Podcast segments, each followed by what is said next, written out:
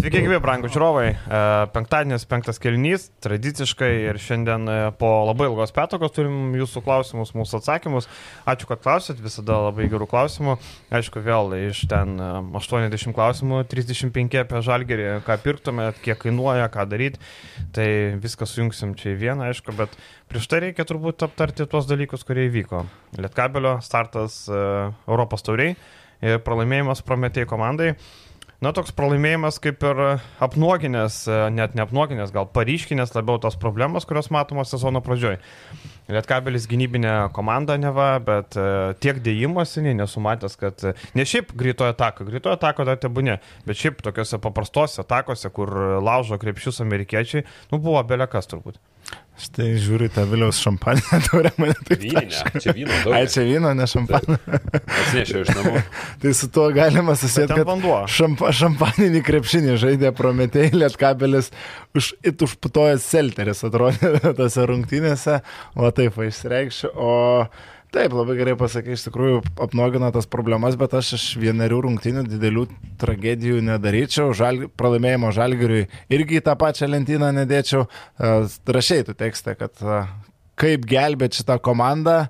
Ir klausimų mačiau buvo, ar jau dabar metas imtis kažkokių sprendimų. Aš galvoju, kad Lietkabeliui panikuoti neverta. Taip, Stefanas Peno yra daugiausiai bent jau man keliantis klausimų žaidėjas ir jeigu į vietą jo būtų solidus amerikietis, galintis draskyti, galintis pataikyti iš toli, tas žaidimas atrodytų šiek tiek kitaip. Dabar aš nematau, ką Peno gali duoti e, aukštesnėme lygyje.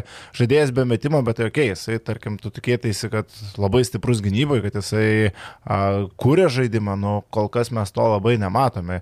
E, gynyboje jis ant stačių kojų kelis kartus praleido savo tiesioginius oponentus, polimetos kūrybos, tos komunikacijos su aukštūgiais mes irgi daug nematom, aišku, ir tie aukštūgiai kol kas nefunkcionuoja funkcionuoja galbūt taip ir nėra tokio lygio, kad juos ten labai sėkmingai išnaudotum apart e, Gabrieliaus Maldūno, bet iš esmės aš šitą komandą vis dar toliau tikiu ir aš galvoju, kad e, per kančias Nenadas Šanakas išsireikalaus iš esamos komandos to, e, ką jinai gali. Džemelas Morisas vis dar, man atrodo, žaidėjas su potencialu, taip nepataiko, taip nusimušęs pasitikėjimas, bet žaidėjas turėjęs labai solidžius skaičius aukštame lygyje ir tiesiog laiko klausimas, kada jis turėtų iššauti. Želko Šakyčius, daugiau vėl klausimų, vėl dėčiau šalia Peno ties nusivylimu turbūt sezono pradžioje, nes žaidėjų 34 metai ir jis nepanašu, kad yra to paties lygio, koks buvo prieš išvažiuodamas, galbūt ir motivacijos nebeturi, nes prieš porą metų jis norėjo pasikelti vertę ir užsidirbti kontraktą. Dabar jis jau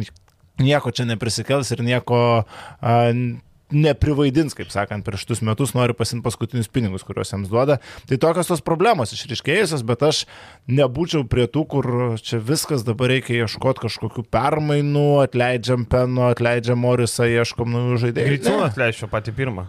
Griciūną atleistum. Blemba, žinai, man, man Griciūno pasirinkimas iškart buvo kreivas, kai rinkėsi tarp Buščių ir Griciūno, okei, okay, nemanau, kad Gustys būtų buvęs geriau. Nebent jisai, žinai, matom, ką Gustys išdarinėja LKL. Jam kartais... Gustį pakalbėsim dar, manau. Paskui. Jisai kartais, žinai, kartais būna labai geras, kartais pameta galvą, nu tai hot head toks krepšininkas, galim taip sakyti. Bet man Griciūnas ir matom, kad jeigu antroji dalinį išleidžia, Čanakas, realiai per kiek Lietkabelį stebėjo labai didžiai, ten Čanako yra vis ar ne visas rungtynės. Pirmą kartą atvejis, kad Lietkabelio startinio penketo žaidėjas arba tvirtas rotacijos nežaidžia antroji daly. Čia žiauriai daug pasako, niekada gyvenime nesu to matęs. Jeigu tai būtų Grantas Vasiliauskas ar ten, tarkim, jaunas žaidėjas, tai būnė, bet kai tai Griciūnas nežaidžia du kelnius, čia daug pasako, labai daug.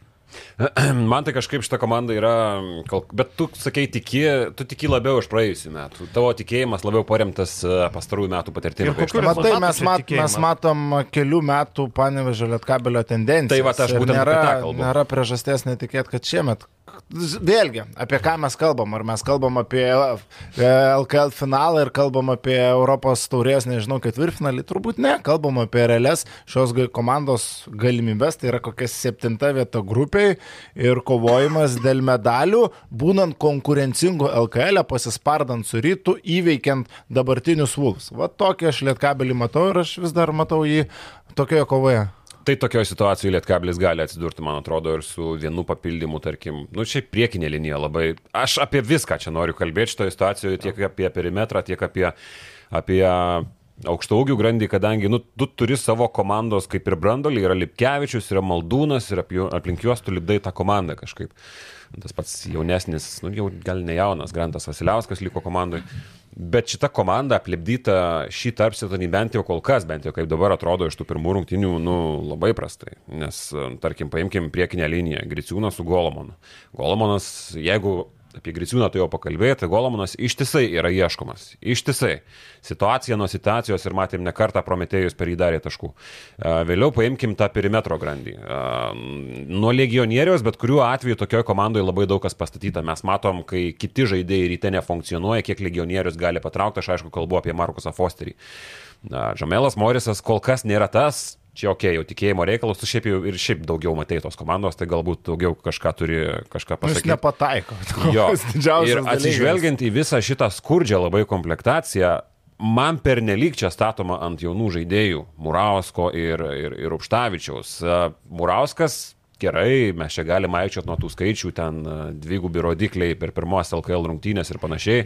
Europos taurės tie žaidėjai žais ir sudegs, aišku, ir jiem tai yra naudinga, bet komandai, kuri kažko jeigu siekia, tu su jais ir važinėsi aukštyn ir žemyn. Ir tiesiog yra pernelyg daug ant šitos situacijos pastatyta. Jeigu mes matom, kad Mokėjai ir Upštavičiaus ir, ir Murausko minutės dabar galbūt nebuvo ten pačios didžiausios, virš 25 ar kažkas toko, ten po 14-13 sužaidė.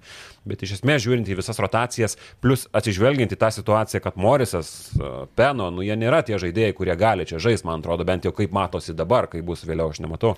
Tai aš nematau šitos komandos talento ir galimybių, nu, konkuruoti ties kokią šeštą vietą apskritai. Aš uždarau šitą klausimą, bent jau kol kas, ką matome iš to.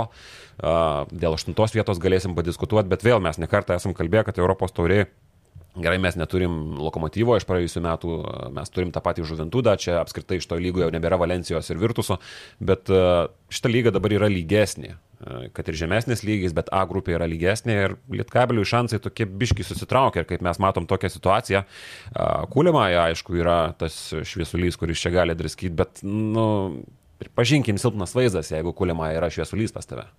Bet e, dėl Rupštavičiaus ir Murausko, ką kalbėjai, aš sutinku, kad su šiek tiek avansu yra tas pasitikėjimas, bet aš tai žiūriu iš tos perspektyvos, kad su kiekvienu mėnesiu, su kiekvienariomis praktiškai rungtynėmis jie gali būti geresni, tai žaidėjai. Gali. Tobulėjantis, na, su, su kiekvienu gautų pasitikėjimo šansu. Ir mes matėm, kokį proveržį per sezoną padarė Kalaidzakis, kokį proveržį padarė tas pats Kristų pažemaitis, Lietkabelį. Tai šitų žaidėjų potencialas yra, bent jau už žemaičio, tai turbūt didesnis. Ir Upštavičius, koks yra dabar, tai ir koks jis bus pavasarį, tai aš manau bus gana skirtingi žaidėjai. Nekalbu apie Murauską, kuris nuo kėdainių nevėžė per vasarą, atrodo dėjęs labai didelį žingsnį priekį. Ir Atšanakas ir Lietkabelis kenčia kol kas dėl jų nepatyrimo, bet kenčia su idėja, kad, na,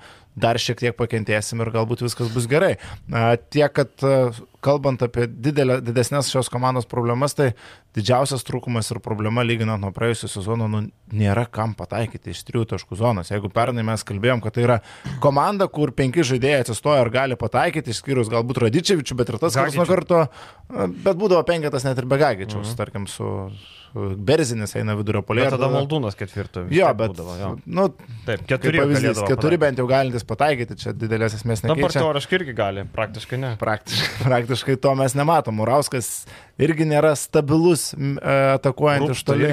Rupšta, Rupštavičius galbūt bus ateityje geras metikas, net ir Lipkevičiaus tas pataikymas iš trijų taškų zonos yra geras, kai jis yra laisvas iš statinės padėties ir savo mėgiamo tašką. Jeigu ten Lipkevičių mes vadinsim snai, nu, snaiperiu niekaip neapsiverčia liežuvis pavadinti žaidėjas galintis pataikyti, bet kai tu šalia jo turi Peno, kuris negali pataikyti, Morisą, kuris kol kas nepataiko, nu, tai atsiranda problemos. Ir nekalbau, kad pernai buvo toks žaidėjas kaip Gediminas Relikas, kuris galėjo smėgti tau vieną po kito tritaškus ir buvo Bobis žaidėjas irgi.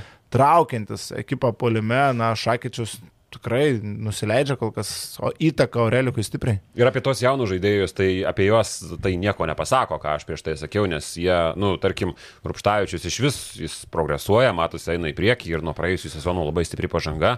Geras mašas buvo su Garždais, Murausko rezultatai apskritai bent jau LKL e kalbėjo patys už save, išskyrus tuos atvejus, kai jisai susidūrė su Žalgiriu ir gavo didesnį spaudimą. Tai čia viskas tvarkoja ir kas dar labai patinka, kad, nu, Čanakas akivaizdžiai nusiteikęs, ne tik, kad mes matom procesą, jisai su jais degs ir sudegs. Jis nusiteikęs eiti į tą pusę, jis nusiteikęs tuos žaidėjus auginti. Nu ir čia, kaip mes matom tuos e, trenerius visokius, kurie ateina į LKL aukštesnės komandas, jiem reikia rezultato, jiem reikia dabar gerai žaidžiančių žaidėjų, kurie dabar gali pasirodyti. Tai, nu, žiūrint iš Lietuvos krepšinio pusės, nu, čia dar kartą pagiros Nenadui Čanakui, jisai akivaizdžiai, net matydamas, kad jisai dega su tai žaidėjais, jisai juos laiko aikštėje, tą mes matėm su Žalgiriu rungtynėse. Bet e, Europos, gerai, mes apie LKL net neapsimoka dabar, mes apie Europos taurę, ne? Labai sunku kažką laimėti, tarkim, e, kai tavo pusė komandos nefunkcionuoja. E, kad ir koks Murauskas ir e, Rupštavičius nėra Europos taurės žaidėjai šiai dienai ir negali tikėtis didelių rezultatų. Peno neduoda, Morisas neduoda, Golmanas neduoda, Griciūnas neduoda. Tai jau šeši žaidėjai, o tu turi tik 11 žaidėjų. Tai viskas laikosi ant Lipkevičius, Maldūnas žaidžia geriausią karjeros krepšinį, Čia yra Lietkapeliui labai gerai, jeigu... Jonui Vainausko ausis dega. Ką? Vainausko ausis dega. Jeigu, jo, jeigu Maldūnas žaistų taip, kaip žaidė pastarosius sezonus, tai būtų, žinai, dabar 12 taškų jis pakartoja pirmą mačią savo geriausią Europos taurės rezultatą. Praeitą sezoną per N mačų du kartus tik tai sugebėjo pelnyti dvi ženklį taškų skaičių. Vienas iš jų prieš Virtusą, kitas reguliariam sezonė. Tai daug pasako. Ir problemos aiškios. Ir lygiai ta pati gynyba. Lietkabelis 80 taškų praleidęs laimėjo vos vieną vieną mačą, kaip aš rašiau prieš Metropolitanus.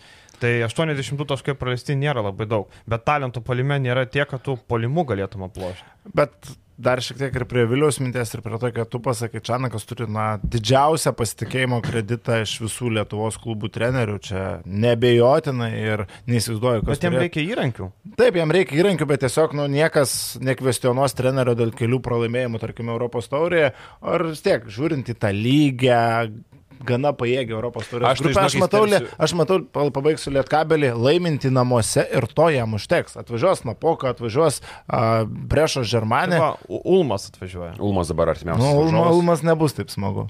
Bet tai Ulmas ne. Ulmas labai stipriai pasikeitęs, Ulmas neturi iš porcelės savo lyderius, yra Juanas Nunėzas, bet nėra Jako Lakovičiaus aišku, čia. Nėra nei vieno iš lyderių amerikiečių. Jo, tai čia šitas dalykas, bet kalbant apie tuos Čianako kažkokius tai klausimus ir jo kvestionavimus po tų kelių pralaimėjimų, aš jo nekvestionuočiau, netgi jeigu jisai su šituo žaidėjų rinkiniu aštuonis žėlės į kasą gautų Europos taurėje, nes matom, kad tas rinkinys nefunkcionuojantis, matom, kad tas rinkinys nu, nėra tas, kuris atitinka bent jau kol kas. Kaip tu sakai, tikėk, netikėk, kad jisai pais į priekį, kol kas aš nematau iš ko pait, bet gal taip ir nutiks. Tai aš dar sakau, kad čia yra pliusas, kad treneris neturi spaudimo spaudimo ir jis gali bandyti kentėti su tai žaidėjais, bandyti lipti su Rupštavičiu, Murauskui į priekį ir kabintis ateičiai. Tai čia yra Lietkabelio pranašumas, nes jeigu čia būtų kitas treneris, jau kalbėtų, kas čia surinko šitą komandą, kas čia dabar darosi ir e, būtų problemų. Dabar galima ramiai tiesiog dirbti, galbūt ieškant minimalių pokyčių, minimalių korekcijų, jeigu jie mato ir treniruočio procesą, jie mato, ar, ar Peno gali vis dėlto dar atsiskleisti, ar vis dėlto čia yra feilas pasirašyti tarp sezonų. Jeigu visiškas feilas, nu, tai tada kažką galvoji. Vienas LKL džemas man sakė, kad e, Čanakas Peno net leis, net jeigu Peno links po 10, nauding, minus 10 naudingumo balų. Čia jo buvo tokia mintis. Sako, aš girdėjau kai kurios dalykus, tai nežinau, iki galo nepasakė, kaip žinai, bet e, žodžiu sakė, kad Čanakas penų net leis. Bent jau taip, tokia mintį. Tarp kitko, Lietkabelių siūloma eilė žaidėjų, nuo gynėjų iki centrų, tie, kurie NBA dabar neįsitvirtino. Girdėjau, kad sąraše yra labai įdomių pavardžių, bet Lietkabelis kol kas visus sako, mes dabar nieko neieškom. Tai kol kas viskas on holdo, bet tas holdas gali pasikeisti. Dabar laukia ketverių rungtinių atkarpa, viešnagė Utenoj, atvyksta Ulmas, tada atvyksta Rytas ir viešnagė pas Mariu Leonavičių, Burgo Breso komandai. Tai keturi mačiai, kuriuos visus galima prapilti. Šiaip su Juventus jau gana įdomios rungtynės. Su Juventus mes kaip ir kalbėjom prieš sezono pradžią, yra labiausiai banguojant ir sunkiausiai nuspėjama LKL komanda. Tu vieną dieną jie gali prapilti minus 20 nuo garždų, kitą dieną kabintis į rytą ar į tą patį lietkabelį. Tai su Lietkabeliu bus nelengva. gal neprapils. Kodėl? Garždai visai, garždai su Vulsais kapojas. Kaip pat rungtynių pabaigos. Garždai šiaip visai, nu jo, bet čia KMT mačas. Gal net nelabai norėjo laimėti, bet čia nu. atskira tema. O, o garždai šiaip kol kas nenuvilia, bent jau manęs, nors komanda viską pralaimė LKL, e, bet kapojas. Gerai, e, einam toliau, tai pažiūrėsim, Lietkabė laukia atkarpa, manau, prieš Ulmą labai daug pamatysim. Reikia imti per galytę, kaip bebūtų namie, komanda tikrai veikiama ir jeigu tu nori galvoti apie atkrintamasis Ulmą namie, privalai imti, čia nėra ką galvoti. Einam toliau, e, vakar e, įdomiausia. Bet palauk, Ulmas dar įsterpt kontekstui, kad labai gerą Venecijos komandą, kuri šiaip Taip. jau kai kuriuose power rankinguose net tarp pirmų vietų Europos tai taurė. Lažybininkus Evenbetas, pavyzdžiui, mato ten penketą ar ketvirtį netgi. Tai, tai vienu taškeliu paėmė Veneciją. Taip, taip, namie. Tas nustebino. E, vakar Eurolygoje vyko ketverias rungtynės, e, čia aišku apie jas daug nėra ką kalbėti, bet e, Barsa prieš Realą sugebėjo laimėti. Šaras, kaip sakant, nusimeta tą tokią beždžionę. Pergalė įsirašyta. E, po praeitos savaitės tokio ir po pastarosios tokios mm, blankesnės atkarpos.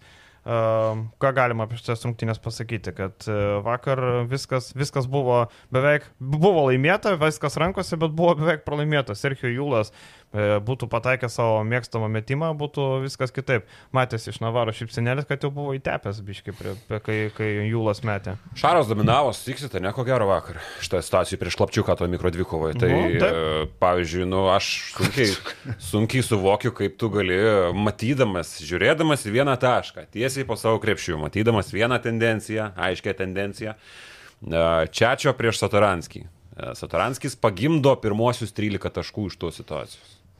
13 taškų. Ir taip, aišku, tas pranašumas dar kažkoks nebuvo kritinis, ten gal 7-6 taškai kažkas tokio, bet jiem pati tendencija man labai didelių klausimų kelia. Vėliau su tais dideliais penketais, su tais uh, vidurio polėjų grandim. Vakar labai gražiai Šaras modeliavo su Taubi ir su uh, Šanly. su Sertašu Šanly. Tai nu, viskas buvo idealiai, tie deriniai, tie namų darbai, kiekviena situacija, pavyzdžiui, derinys sukant galvą puirė ir e, rokelio užmetimas Janui Veselį, kas iš vis kažkiek tai surrealiai atrodo ir parodantis, kad su Roko karjera viskas yra tvarkoje, jeigu jisai Eurolygos L klasiko mače, aš net pagalvojau, taip vienu metu prigavau, mėto aliejupus Janui Veselį, kaip visai nesiniai mėtė Kostas Lukas Eurolygos finalos Janui Veselį. Tai, tai tikrai yra įspūdinga ir šiaip labai geras Barsos mačas, ketvirtas kelnys, aišku, buvo kitoks, jau pamatėm Kaliničius visiškai su prarasta komplekt, su, su koncentracija visiškai pamesta, kai praleidžia begdorus, visiškai paprastos iš Gabi Deko pusės. Ir aišku, paskutinį ataką realo, nu man, nu man labai silpnai atrodo, kad po taimauto surėsgama tik tai tokia ataka, kuomet viskas, ką tu pasieki tos atakos metu, tai ar tašas šaly perimetre ant Sergio Julo, Ir tas Aistepas ir jo tas chaotiškas metimas, aišku, čia Sergio Julo metimas tarsi ir viskas yra gerai, bet kažko tvarkingiau norėtųsi iš, iš šitos komandos. Tai realas sugrįžo realiai individualaus vieno žaidėjo pasirodymo dėka, tai yra Gabrielis Dekas, nebuvo tai komandinis sugrįžimas, nebuvo tai, kad kažkas pasikeitė kardinaliai abiejų komandų žaidime, tiesiog realas išsitraukė Gabrielį Deką ir jis ketvirtam kelnį sugražino. Ir tas rungtinės intriga. Taip, o... Ponas o, Petras. O, o, o kita mintis man iškilo žiūrint į realą. Reikia, tiksliau reikėjo jai kampaso. Arba Vildosas. Arba bent jau Vildosas. Bet man Vildosa, nežinau, man Vildos overrated žaidėjas. Pavyzdžiui, man, e, kaip ten visi žiūri, koks jisai labai geras, man jisai, čia buvo klausimai apie overrated, aš iškart sakau, kad man Vildos overrated Eurolygos grajokas. Aš Bet kiek tu įvertini, aš tai nelabai, aš nelabai, nu, Un pagal kainos kokybės santykį, jeigu ten vakar Mozartas rašė, kad e, Zvezda jam per du sezonus atsiekęs pusantro milijono, man jis ne pusantro milijono gražu. Na nu, gerai, ne pusantro milijono, bet uh, man iš kitos pusės aš pasižiūrėčiau, kodėl kiti klubai, nu gerai, jeigu iš tikrųjų tai yra tiesa, tai jis nuėjo paskui pinigus, bet uh, Nu, reikia jo Baskonijai, reikia jo Makabiui. Baskonija yra galinė komanda, tai viskas ok. Tai jis Baskonijai buvo neblogas žaidėjas. Dešimties balų bet Eurolygoje. Reikia gero kūrėjo ne vienai Eurolygos komandai. Ir Zvezda čia, nu aš nežinau, permokėjus ar nepermokėjus iš to, ką tu sakai ir iš to, kas serbai rašo. Nu, taip, tai akivaizdu kad, akivaizdu, kad permokėjus. Bet uh, Išlošė vis tiek. Plius dar nepamirškim, aš neįsivaizduoju, koks dabar yra Vildoza. Jisai paskutinį kartą krepšinį žaidė tada, kai išvažiavo iš Eurolygos ir tada buvo dešimties taškų žaidėjas. Nepamirškim, kad traumą operaciją turėjo. Dar. Tai va būtent, praėjo, nuo to laiko praėjo kiek pusantrų metų. Nu, tai va, dėl to aš ir sakau, kad klausimų daug. Ir Zvezdai reikia sprendinių, tarkim, vakar tas treneris labai kreivas, aš netikiu juo, man jisai toks, nežinau, toks išveido, toks ultras galėtų būti serbų, nežinau. tai toks... serbai visi išveido galėtų būti. Ne, nu kodėl, tai nėra geresnio veido, nereikia taip absoliutinti, po to pyksint mūsų serbai. Žinau, Čanakas ultra negalėtų būti. Ne, Čanakas, gal jaunystė, dabar jau toks. Bet, nu, toks, nu, tai ultras reikia gali būti. Ne, jeigu rimtai, tai um, Zvezda, aišku, reikėjo. Gal Nedovičius ilgai nežais, ten aišku, su Markovičium ten toli neįsi. Tas Adamsas Grinas Koreris irgi ten absoliučiai nekurėjas, tai jiem reikėjo tokio, bet, bet, bet įdomu, koks tas Vildoza grįžta, nes man, man, man per didelis hypas ir aš nesistebiu, kad realas jo nesidomėjo, nes Vildoza nerealo kalibro. Ne, žaidėjas. tai čia jau visai kita lentyna, aš taip, net taip. nesakiau, ta prasme, kad realui reikia kūrėjo, bet realui nereikia taip. Vildozos. Realui reikėjo kampaco, jeigu būtų kampaco, tai čia... O ką dabar daryti? Dabar iš NBA kažką griebti, vat įdomu, su, rizikuos. Šiaip realas niekada tokių random iš NBA neima. Pasižiūrėkime, visi pirkiniai yra tokie kažką parodęs Europą arba Pietų Amerikos atstovas. Bet pasižiūrėkit, kokia yra Europos rinka šiuo metu. E, paskaičiuokim komandas, kurioms tikrai reikia. Zviesdai reikėjo, Makabiui reikia. Virtusas. Bet labai Makabiui, nu žinai, Makabis įsivaizduoja, kad jiem reikia. Aš tai nežinau, manau, kad vis tiek reikia. reikia. Bet, nu, aišku, pagal jų žaidimo stilių, ką jie žaidžia kiekvienais metais, tai jiem galbūt mes galėtume sakyti nereikia, bet mano akim jiem reikėtų. Bet, okei, okay, pamirškim. Virtusas labai reikia kuriančio žaidėjo, tragiškai reikia. Tas pats realas, tai koks deficitas tokių žmonių yra Europoje, tai čia mes patys galim pamatyti, nu mes nekalbam apie žalgyrį, aišku, kuriam irgi reikia. Tai va, tu iš NBA, nu, blamba, va, įdomu būtų, jeigu realas pasimtų. Šiaip tu iš NBA atkabinamų gynėjų yra įdomių. Jie yra nežaidę niekada Eurolygoje, tai čia tokia pirki katė maišė, žinai, dar, kaip sakant, pirki mašiną iš Amerikos, kol gabeno konteinerį, tam gali apdaužyti ir vidrudėlių gali nebūti, ir gali variklio defektas būti. Arba skendus, skendus, skendus gali būti Amerikoje, tai nu. Jo, bet, bet gali būti labai gera, atvarysi, viskas gerai, kaip sakoma, sėdi ir važiuoji. Bet kol kas tie NBA žaidėjai, kurie atėjo į Eurolygą šio tarpsės, nu, net, netrodo labai solidžiai. Aš dabar tai bandau. Vinsonas pirmas pavyzdys, šaunas į galvą, Edvardsas. Edvardsas labai didelis gaipas buvo ir tarp šiaip jau Eurolygos, nu, Europos bendroji kažio toj siaurojoje mhm. medijoje buvo pakankamai didelis gaipas ant Edvardso pastatytas, Kešas Vinsonas.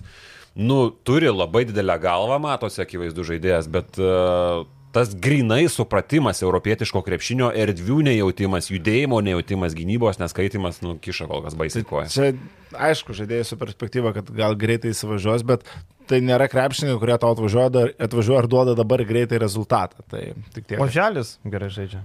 Oželė. Oželė. Jo, oželis. Nu, gražiai skamba lietuviškai, tai oželis. Gerai, einam prie klausimų. Turbūt e, čia iškart pats pirmas buvo serviruotas, kokia būtų Singletono kaina ir įsiperkama žalgerį. Nežinau, kodėl čia visiems to Singletono, bet aš absoliučiai out nuo Kriso Singletono. Nei dėl kainos, nei dėl nieko. Žalgerį reikia centro. Singletonas nėra centras.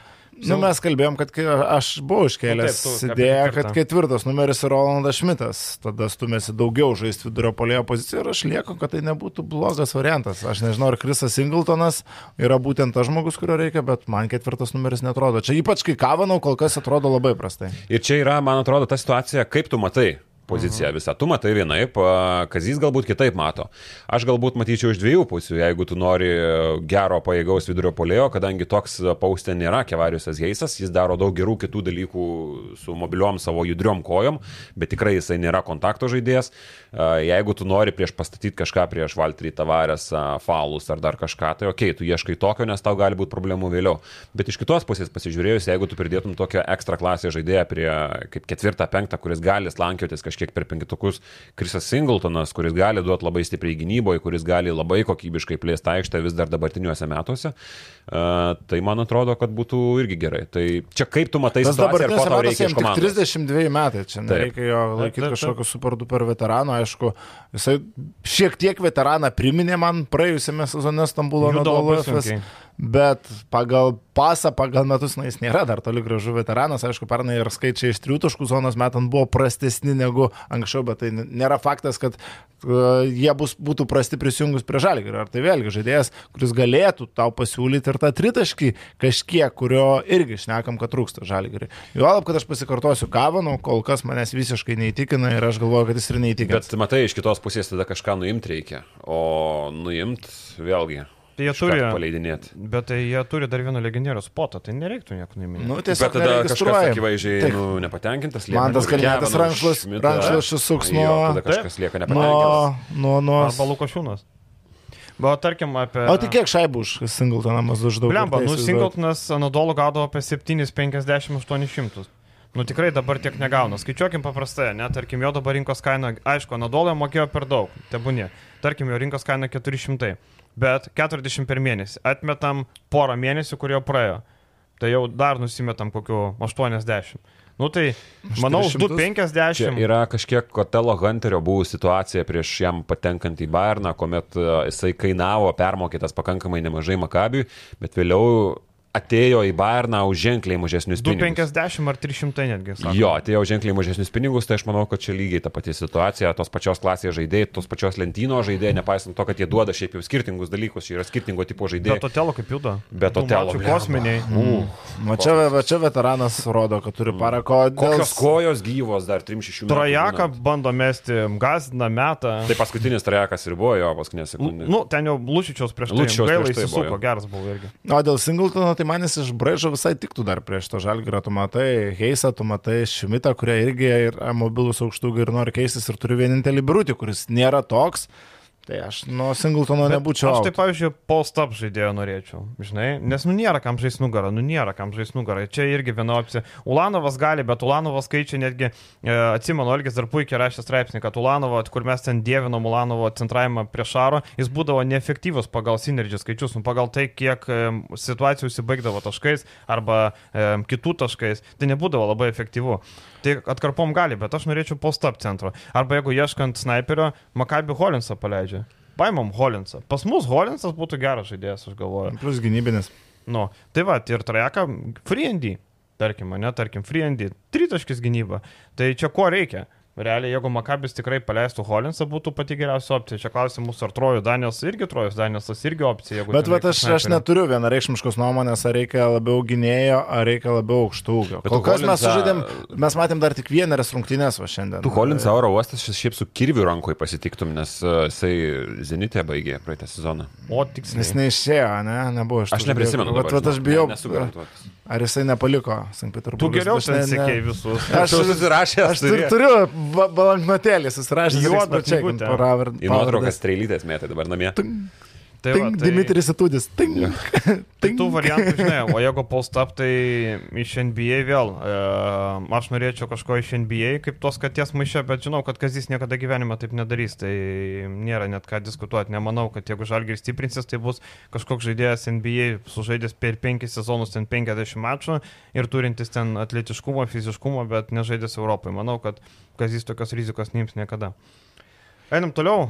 Uh... Zenit palieka pirmasis krepšininkas Ostinas Holinsas, taip pat ramiai vyrai. Na, nu gerai. Vieną tai pirmą susikrovė. Tavo atvažiuoti. Juodoj knygutė nėra, nėra tavo malda knyga. Gerai. Dabar klauso Paulius Motijūnas šitą mūsų pat. Gerai, imam, galim.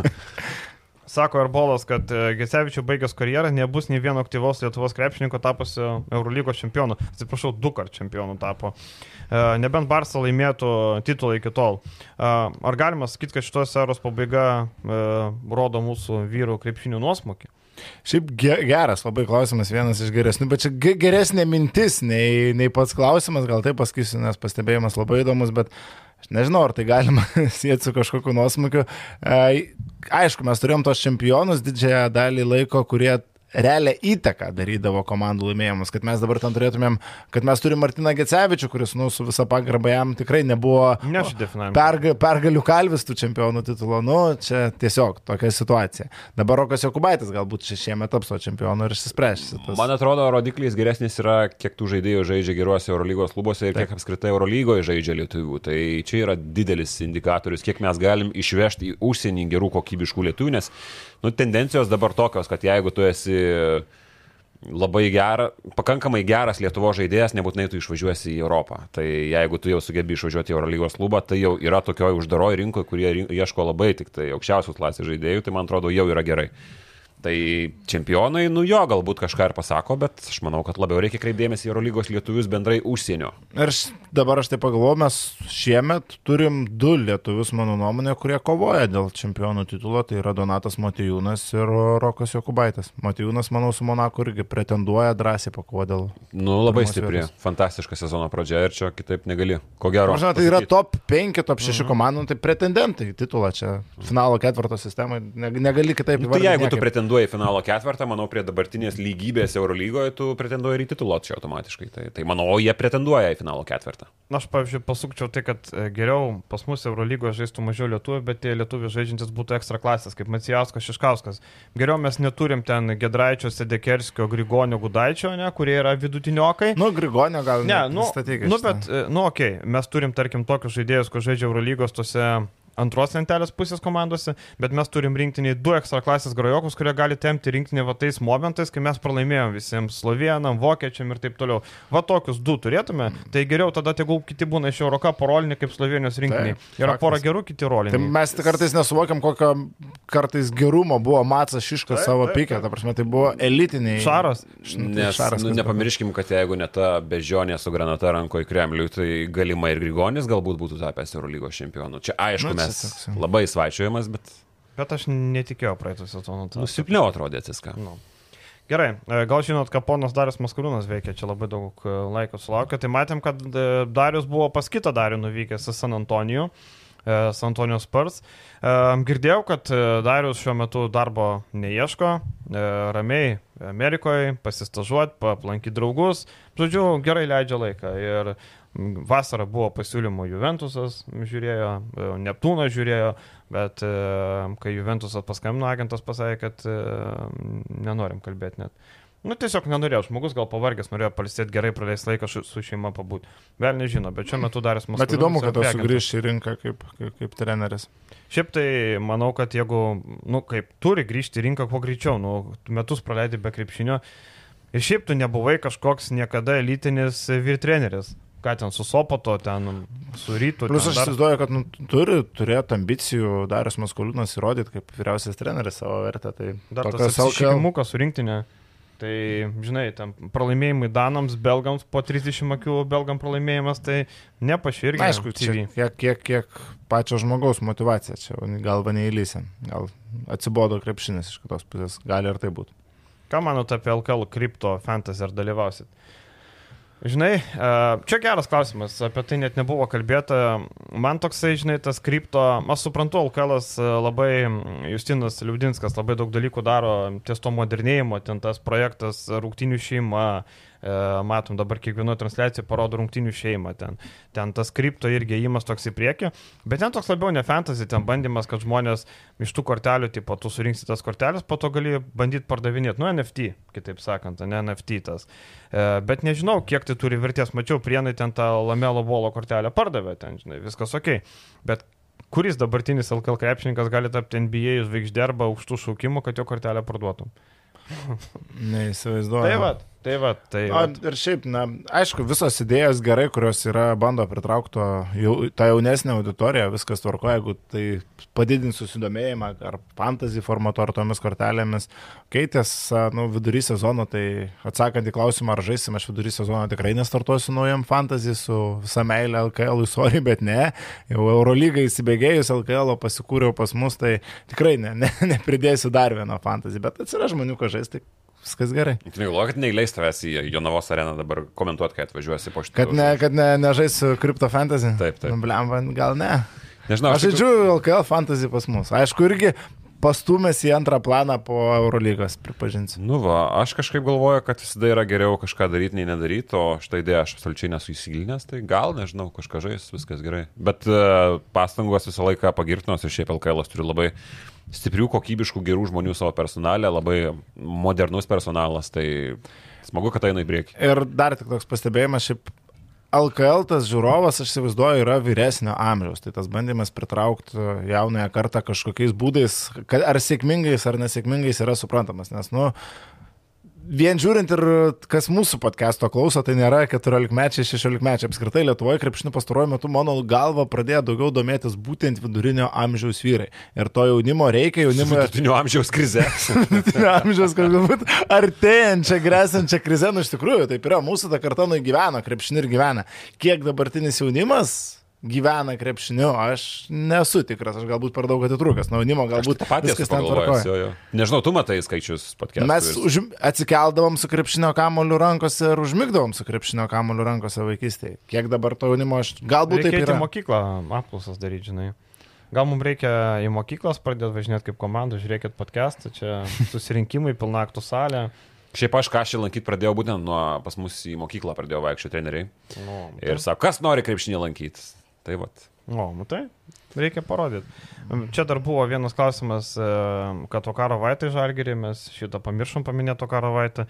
Irgi toks metikas, Bet mano karo vai, jau geriau singletonas negu Vaitas. Bet ar kažką Vaitas ta kažkiek problema, bet ar tai bus changeris, nežinau, ne. Aš, mano karo kažkaip... toksai pam ant pam. Jisai šiaip nėra labai geras metikas iš toli. Šiaip jisai Kazanį prastai metė, Pantnaikosi tik tai darė.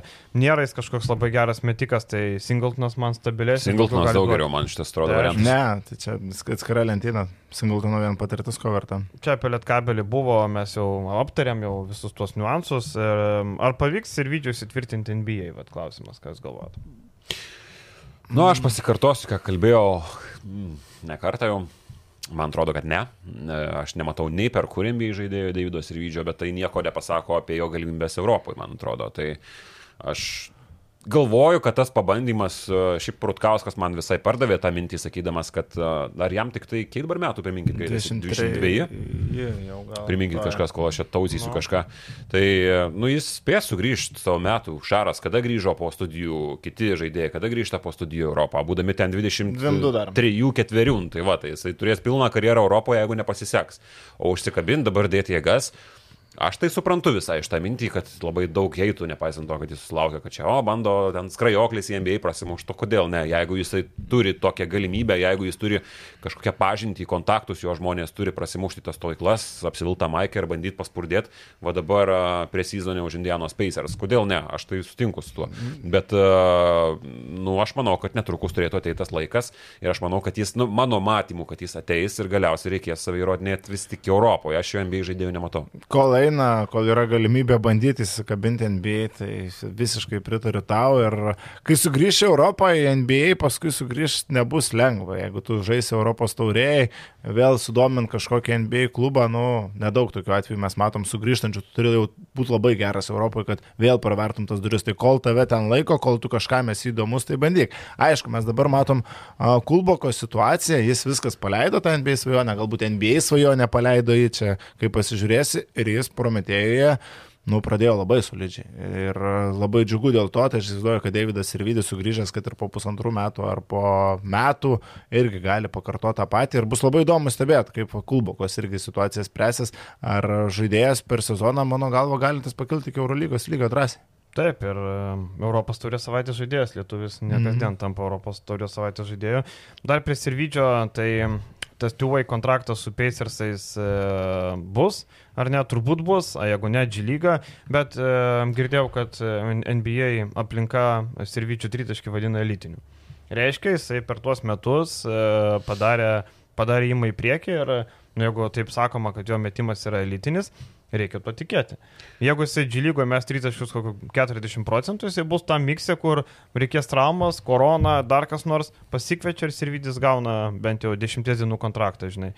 Bet e, šiaip, kad gautų reguliarų kontraktą, manau, tai yra kritiniai metai. Jeigu dabar negaus to kontrakto, negaus daugiau šansų pasireikšti, nu tai kitą vasarą kraunamės čimodanus, važiuojam į Europą, nu, parodom, ką mokam, duodam tą elitinį tritaškį Europoje. Nu. Man atrodo taip. Dar tik tai gal visiškai ne į temą, aš apie Kulbokos tos skaičius žiūrėdamas ir iš dalies apie Sirvidinų man dar kartą aš mėstelėjau mintis, grįžtant į vasarą, ar tikrai nebuvo galima jų abiejų pasibandyti dar kartą antros stovyklos metu. Taip, Kulboka labai prastai sužaidė su Latvijais, kartą pataikė į lentą, bet, nu, žaidėjas dabar Europos tauriai, tam po savaitės MVP Graikijos lygoje žaidžia žiauriai solidžiai, tai čia per du mėnesius toks geras tapo, jis buvo toks prastas tada. Man tai atrodo, kad, nu, kad uh, Deivijos ir Vydžio pasibandymas jo galėjo jisai nutikti vasarą, bet čia labiau birželio langas, o, kal, nu, aišku, ir priklausoma nuo to jo pasirodymo tame lange, galbūt gali pasikviesti vėliau ir rūpjūtį. Bet uh, Kulbokos nupoliosavimas man logiškas atrodo. Pasikvies dar labai, kartą vasarą, ką tu iš to prarasi. Galbūt, jeigu tu žiūri ateitį ar ne, bet galbūt nenorėjo apsikrauto papildomų sąrašo. Aš supratau tą įmą iš Kazio Maksyvičio pusės, nes uh, Kulboka netitiko to birželio mėnesio. Tai jo, mes matėm visi tą jo metimą į lentą prieš Latvijos, bet gal kažką ar daugiau buvo galima išvalgti. Nu, čia mano toks tiesiog, matant jo gerą žaidimą, dabar pasvarsimas, ar treniruočio proceso metu nesimatė, kad jis gali būti, nes nu kitą vasarą mes tikrai apie jį kalbėsim, miksai rinktinė aš praktiškai. Jo, galbūt. Tikras. Nu, tikriausiai kalbėsim, bet tarkim, nu, matai, į rinktinę vis tiek susirenka didžiulė konkurencija. O tu niekada joje nebuvęs, tu turi didžiulį spaudimą savo galvos kažką parodyti. Mes matėm, kaip mes išeina, galiausiai nusivežėm ketvirtoje pozicijoje nu, tai, ir Žukauską. Tai kaip mes dabar matom, labai lengva vertinti tai, tą situaciją. Taip, labai lengva. Faktas. Tai aš manau, kad viskas buvo, aš, aš irgi galiu dabar pasakyti, kad klubo ką pasim galbūt būtų buvę geriau, bet iš to matymo kampo, nu nebūtų geriau, tuo metu netrodė taip. Ir aš sutikau visiškai su tuo sprendimu jo neimti. Ir jis tuo metu matęs, kad buvo ritmo trūko, formos trūko, dabar, žinai, pasirinkimą praėjo viskas. Plus, palauk, Prometėjus yra nepernelik stipri komanda. Šiek tiek palaukiam, gerai. E, Brimtesnių varžovų. Trento Dolomyti, užmėtyti, kur aštuoni žaidė, kur Andrėjus Gražulis. Trento, Trento komanda praeitą sezoną buvo prašiausia grupės taip, komanda Europos taurė be jokios konkurencijos. Ne, tai jis nebus kiekvieną savaitę turo MVP, bet taip, tiesiog žaidėjas pradėjo sezoną labai neblogai. Viskas gerai, jo, geras, bet teisingai Vilius sako, žinai, dabar sakyt, kad, nu, dabar lengva. Ne, aš nesakau, kad jį reikėjo imti rinkti, čia nesupraskime teisingai, aš tik sakau, kad galima aišku, gal ilgiau išbandyti ir sirvidį, kad sirvidį reikėjo taip, pabandyti, tai faktas, nu, tai ne už gražias akis į laiko NBA, čia būkim bėdni ir neteisingai gal šį kartą. Kitas klausimas yra apie spaudimą Vilkam. Sako, kad Kurtinaitis vienam interviu sako, kad jaučia didelį spaudimą, bet turbūt e, iš ko vadovybė, turbūt neknisa protos ir gali ten, kokie ten ir gali, gali knisti protą, ne. Tai iš kur tas spaudimas? Spaudimas turbūt iš mūsų. Aš turiu dar vieną atsakymą iš heiterių. Iš heiterių ir iš paties savęs. Taip. Tai aš tikiu, kad spaudimas yra. Manau, kad tikrai jis yra. Tai natūralu, nes... kad jis turi būti. Ateini skambiai, tai nu, faktas, kad visi biudžetas paviešintas yra. Kodėl, pavyzdžiui, pas mus uh, Aš nežinau, man, pavyzdžiui, vienas iš blogesnių dalykų Lietuvos krepšinį, toj savivaldų, e, kažkas gali pasakyti lygoje, kai mokesčių mokėtojų išlaikomas klubas negali atskleisti savo biudžeto. Kodėl? Čia mums paskui įsidės papildomą etiketę.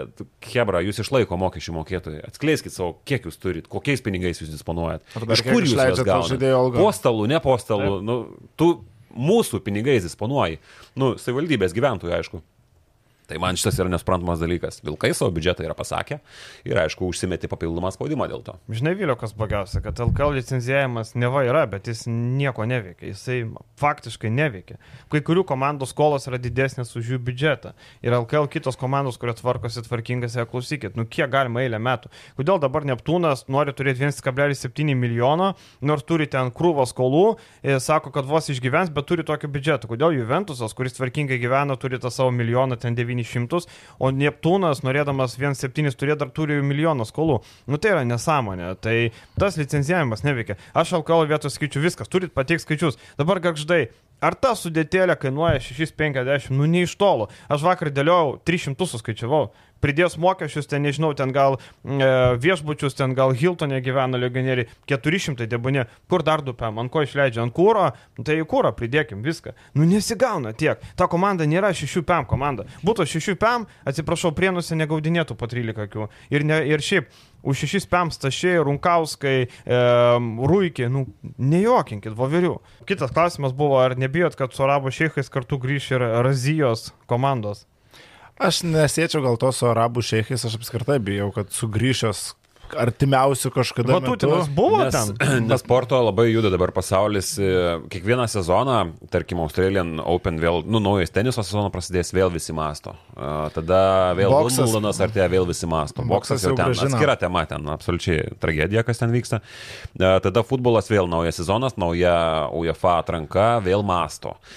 Nu tai manau, kad tie mąstymai kažkada tai kažkurio metu išjudins visą šitą reikalą, jo labiau jeigu konfliktas įsišaldys e, kažkurio metu Ukrainoje. Tai ko kas gali būti.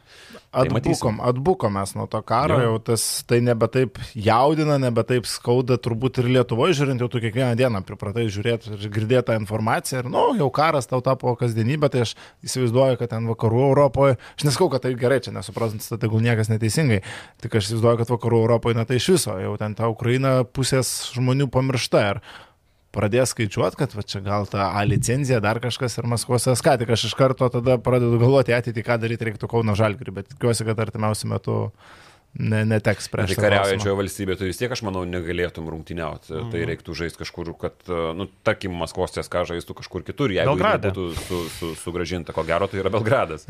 Purtos šlikštulys, purtė mane, nu, Belgrado CSK. Nu ką, o arabai, jo, tai Vatutinas ten irgi, ką Vatutinas veikia, tai jis dalyvavo, nes CSK turi licenciją vis dar, jinai suspenduota, bet jinai nėra atimta. Bet aš vis tiek e, nematau, nu, okay, čia dar long termas. Čia. Ir tai Vatutinas Europos čempionate buvo, beje.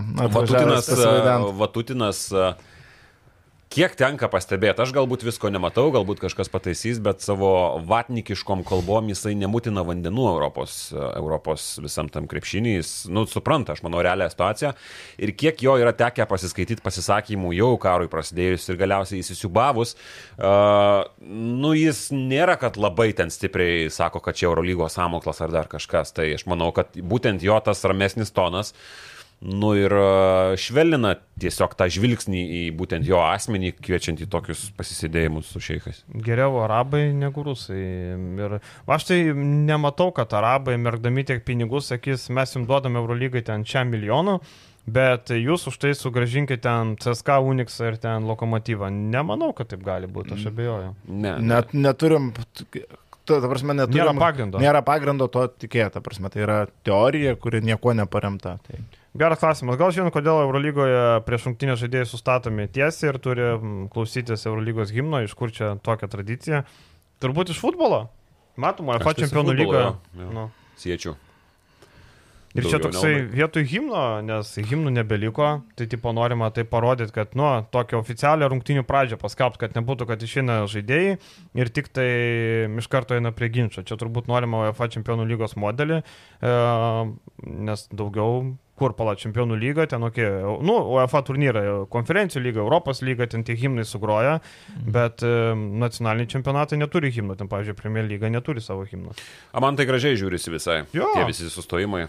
Tas trumpas, nes Eurolygos labai trumpas, kiek ten 30 sekundžių, jo, aš nežinau, prasko greitai ir viskas, tai nereikia ten labai ilgai kažką tai stovėti, šiaip fuliai labai ilgai. Čempionų nu, lygos daug, fainas himnas. Daug ilgiau ir jo, fainas himnas nieko nepasakysi. Nu, tai ką pasakyti. Šiaip aš tuo metu, kai nuėjome šalių himnus, tai buvau labai nepatenkintas, kai ne, ne, neliko Lietuvos himno prieš rungtynės, kai neliko kitų šalių himnų. Bet dabar lietuviai tą problemą išsisprendė, tai labai irgi tas himnas gėdamas, tai kažkaip pamirštas reikalas. Nors tuo metu tai šaršalas buvo gana didelis, kad kaip čia nelieka himno prieš rungtynės. Klausyk, prisiminiau, at, pas mūsų kolegas Powerė buvo diskusija, ar reikia Lietuvos himno prieš paprastas LKL rungtynės. Pavyzdžiui, dabar žaidžia Prienai su Garždės vakar Aš tai sakau, kad nereikia tokiose rungtynėse. Sakau, kad himnas reikalingas, kai salėje yra žmonių, kai yra kažkokios svarbesnės rungtynės. Tai bet tai kaip lengvas. Ar ne? Ar jau neskirsit? Yra, tai yra, aš sakau, yra. Ai, kad, nu. Klausimas buvo, kad nereikia galbūt. Jo, kad ne prieš visas rungtynės. Nu, pavyzdžiui, vakar prienai garždai 200 žiūrovų ar ten 150. Ar reikia himno toje tuščioje salėje, ar tas himnas kažką duoda? Na nu, gerai, ta kaip tu, kur yra tas mastelis, kur tu pasakai? Atkrintamosios. Leidžiam himną, iš tavo kompaktą irgi. Atkrintamosios. Nu, atkrintamųjų. Ne, man tai ne, aš tai pasilikčiau prie tos nuomonės, kad jeigu visada, tai visada. Nėra tos. A, plus uh, yra tos jaunosios kartos vis tiek ateinančių arenui vaikų, tegul girdi tą himną, tegul tą patinasi. Nu, kai šimtas žmonių nu, tai šimtas gėda, nu, tai, tai nežinau. Nu, tai tai nebūtinai gėda, daug kur negėda, tarkim, tai. jeigu tu paimsi gėdą, tai tik kaunė. Gali leisti su žodžiais galų gale, nu tai viskas, viskas. Man atrodo, kad... Viskas... Nematau, nematau tame problemos. Ne, tai ne problema, tiesiog šiaip, kai neduo... Žinai, bet himnas neva turi, nu, toks, žinai, bet... tokia pakilimas, toks, toks. Bet tada mes vėl atsiriamėm į klubus. Kodėl vieni klubai sugeba pasikeisti? Pasikviesti vietinį moksleivį, kuris dainavo dainų dainelį ir tą himną atlik gražiai, o kiti e, Virgis paleidžia kompaktą Taip. ir dar net ne tą įrašą, paleidžia tą lėtą versiją, visi va taip pradeda sukiotis. Kodėl vieni sugeba, o kiti nesugeba? Tu gali padaryti tai gražiai, tik reikia bet pirštą pajudinti. Kažkur buvęs esu kažkokiam turnyre vaikų, kur, kur, kur, kur paleido, buvo kompaktas gimnas ir netyčia Žilvino Švagalio alaus danguje nėra. ir paskui, nes ten pirmie akordai, bet aš žvagulį žinau, manęs jau čia nepaimsit ir ten buvo ta daina, bet ir greitai peršoko paskui tas next ir ant. Šitas, šitas geresnis toks jau. Uh, šiandien turim, uh, šiandien turim vyrai draugą mūsų podcast'o, tai yra Twain Sportas. Uh, Tai mes trumpai mūsų žiūrovam paleisim tokį klipuką pusės minutės, galėsit pasižiūrėti, kas vyksta ir po jo mes iš karto turėsim tokią diskusiją. Tai va, toks klipukas, matot, e, dinamiškas sportas, viskas labai paprasta, žaidžia vienas prieš vieną, turi lygiai minutę laiko, e, kompiuteris atsitiktinai parinka metimo vietą, e, matėt, klipuke yra metimo vietos suskirstytos, jeigu ten, tarkim, vienas žaidėjas gauna 3 taškų metimą, 3 taškų vertės metimą iš pakrepšio, tai ir kitas gaus iš tokio paties. Ten, žodžiu, reikia turėti gerą ranką.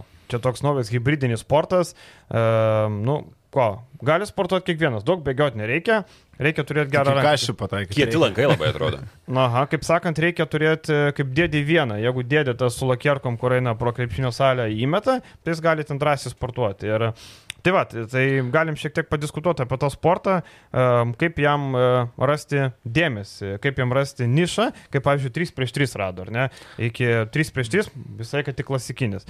Dar galima pridėti, kuo atvejin sportas į ką taikosi, tai yra labai dinamiška sporto šaka, nes dabar jaunoji karta matom, tik tokai, instagramai, visi, e, vis, visi reelsai trumpi, aiškiai, trumpai, viską čiuk čiuk čiuk, e, informacija kažkoje vienoje vietoje, niekas nenori žiūrėti ilgų transliacijų, nenori žiūrėti ilgų intervų, tarkim, krepšininko intervą 20 minučių aš pats niekada nežiūriu, žinai, tai e, norima apeliuoti tai, kad jaunoji karta nori viską greitai gauti, tai čia labai greitai, minutė, vienas prasimeta aiškus rezultatas.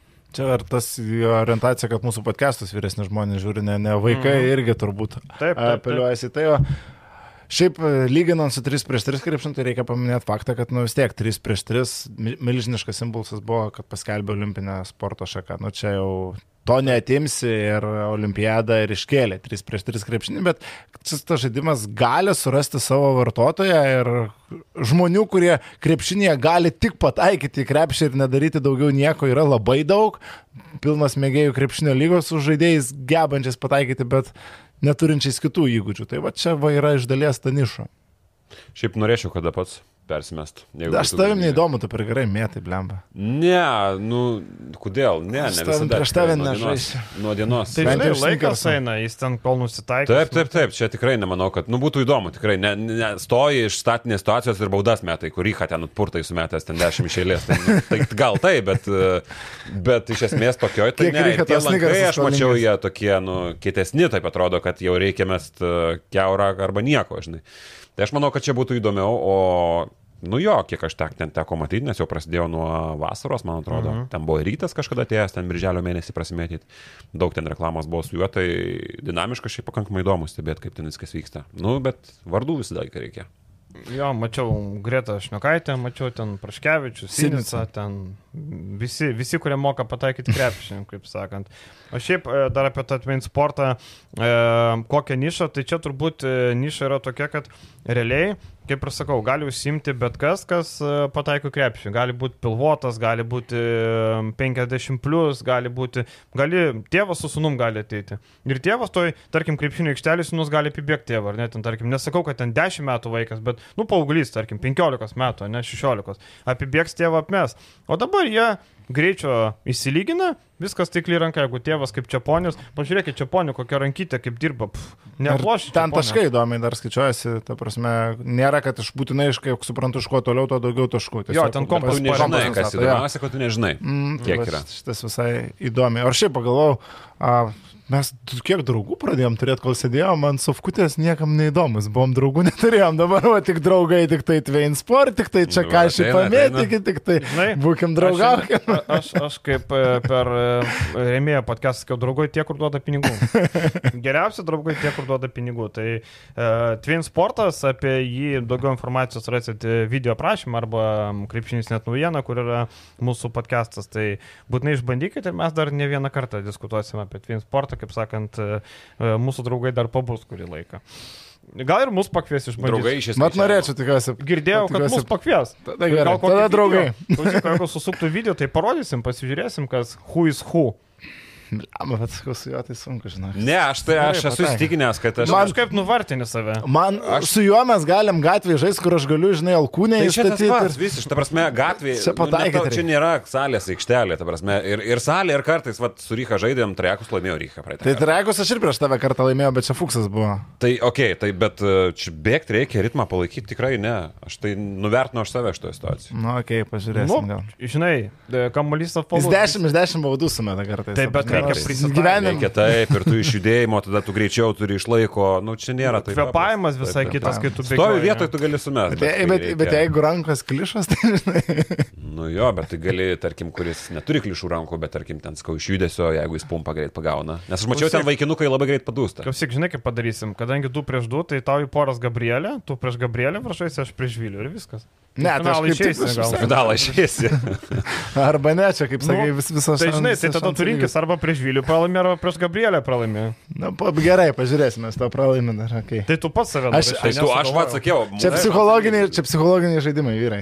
Va taip, twin sportas, ne tik sportas, bet ir psichologija. Vadinamoji Kazio Maksvyčio situacija prieš Georgą Bardzoką dabar. Tai ne? Sergio Skoriolo. Skoriolo prieš jau viską Skoriolo prieš visą čempionatą. Viskas, aš jau savo įrodžiau. Bent prisiminiau, kad Maksvytis dabar davė labai gerą pasakymą Lietuvai kozirinis tūzas. O... Prisimenat šitą iš Europos čempionato? tu kozirinį, turi kozirinį tūzą. Labai geras šitas. Arba studentui viena naktis čia yra klasikinis toksai. žinai. Bet daug aš Bet čia senas, studentų Senas. naktis ir nuvalgytas, kozirinis tūzas jo Kozirinis tūzas geras, negirdėt, negirdėt. Gerai. E, kaip manot, ar LKL sustiprėjo? Klausimų autorius sako, kad stipriau atrodo Žalgeris, Prienai, Pasvalys. Kitos komandos labai panašaus lygio. Jūs galvojate? Nu tai seniai, ką reiškia, ką reiškia vien vilkai prisidėję. Kurie, nu gerai, tu gali sakyti, jie nepateko į Europą dar kažką. Bet už nu, Dzūkiją geriau. Nominaliai, nu, taigi jie didžiulė komanda prisijungė su didžiuliu biudžetu ir tu žiūrėk kaip nori. Sustiprėjo, aišku, sustiprėjo. Bet aš suprantu, kodėl šitas klausimas e, keliamas, nes buvo kalbama, kad čia, o jėtus kaip sustiprėjo LKL, o čia ir vilkai, čia su dideliu biudžetu, vilkai neišeina į FIBA Europos taurę, tai natūralu žiūrovui, tai koks čia sustiprėjo, o du klubai, kurie yra kovotojai dėl pirmosios vietos, Lietkabelis ir Rytas preliminariai, Nu, jie kol kas netrodo geriau nei pernai. Ir jeigu tu turi dvi finalininkės iš praėjusio sezono silpnesnės negu jos buvo pernai, nu tau nelabai įdomu, tada gaunasi 7-8 vieta, ar jos ten stipresnės ar silpnesnės. Ir tai labai stipriai išryškins, jeigu Žalgris dar bus geresnis ir Žalgris visus šluos, tai tas klausimas, ar čia tikrai tas LKL stipresnis, dar labiau kribės galvos. Aš... Ir ta, ta turės įtakos gerą Žalgrio žaidimą. Aš dar apie rytą nedaryčiau tokių išvadų, bet Lietkabelis, nu, nu, iš to, ką pamatėm, žinai, bet Lietkabelis, nu gerai, susilpnėjo, bet man atrodo, jeigu komanda dėk Lietkabelį apie pernai, dėk prieš šįmet ir jinai susilpnėjo, tai yra vienas dalykas, bet visai kitas dalykas, kai nauja komanda apskritai prisideda, nes, nu, neskaityk, atsiekim Dzukiją nuo Vilkų, bet kuriuo atveju tai yra nauja mano galvo komanda. Tai, nu, tai jau vien tai yra didžiulis uh, impulsas lygai konkurencijos prasme ir tai jau yra didžiulis sustiprėjimas. Jo, kai Vilkai tai čia yra atskira dimensija, bet dar tada turime Šiaulius, kurie praėjusią sezoną buvo visai neblogi, šiemet kol kas šiauliai na, mhm. netokie. Juventusas prieš sezoną praėjusiais metais buvo vertinamas labai gerai, tik subirėjo sezoną, jeigu turėjo tokius žaidėjus kaip Petriukas Millerį. Apie Juventusą mes jau kalbėjom, vargu ar galima sakyti, kad šitas klubas yra sustiprėjęs. Tada turi Neptūną, kuris, tarkim, jau tu imk atskaitos taškų Dainiaus Adomaičio Neptūną ir dabartinį Neptūną, vėlgi tu tada apie tą sustiprėjimą kitaip kalbė ir tada tu prieš pastatai mes va turim vilkus ir tie vilkai dar grybą pjauna. Nu tai va žmonėms ir kyla Tai klausimas. tu galvoji, kad stiprumas? stiprumas LKL. Aš taip nesakiau, aš sakiau, kad Nes yra... apvaizda būtų realiai nuo mm, kad komentavimais, tau realiai iš Tai man jau to nims nuo visų komentavimų. Tai aš tik sakau, kad yra tas pagrindas kelti šitą klausimą, ar tikrai jis yra jau tiek sustiprėjęs. Taip, mano nuomonė irgi yra stipresnis LKL ir yra tam pagrindu, tam pagrindu, bet yra argumentų ir diskutuoti, kad na, nėra tokio didelio atotrukio Aš sakyčiau, stipresnis, jeigu mes žiūrėtume į pirmas gal keturias komandas, jeigu mes vilkus juos rašom. Man Sibetas, pavyzdžiui, Šeškos dabartinis yra silpnesnis už praeito sezono, dėl to, kad dabar Šeško reikia dviejų žaidėjų. Žeškui reikia dar atakuojančių gynėjų. Šeškui visada reikia žaidėjų. Nes dabar gynėjų grandy jie liko su Bičkauskiu ir Edvinu Šeškum, kuris net nėra, jis yra labiau trečias numeris negu antras, ne? Jiem reikia atakuojančių ir dar matom e, Sidarevičiui pėties, reikės, nereikės operacijos. Jiem reikia žaidėjų. Bet, okay, žaidimas geras, viskas tvarkoja. Žinai, ir pernai gruodį buvo šešiese vienu metu likę. Tai čia... Bet tai ten dėl traumų, žinai, dabar tiesiog trūksta, trūksta žmonių. Žinai. Kiek kartų tu atvykti buvai, Jonavos?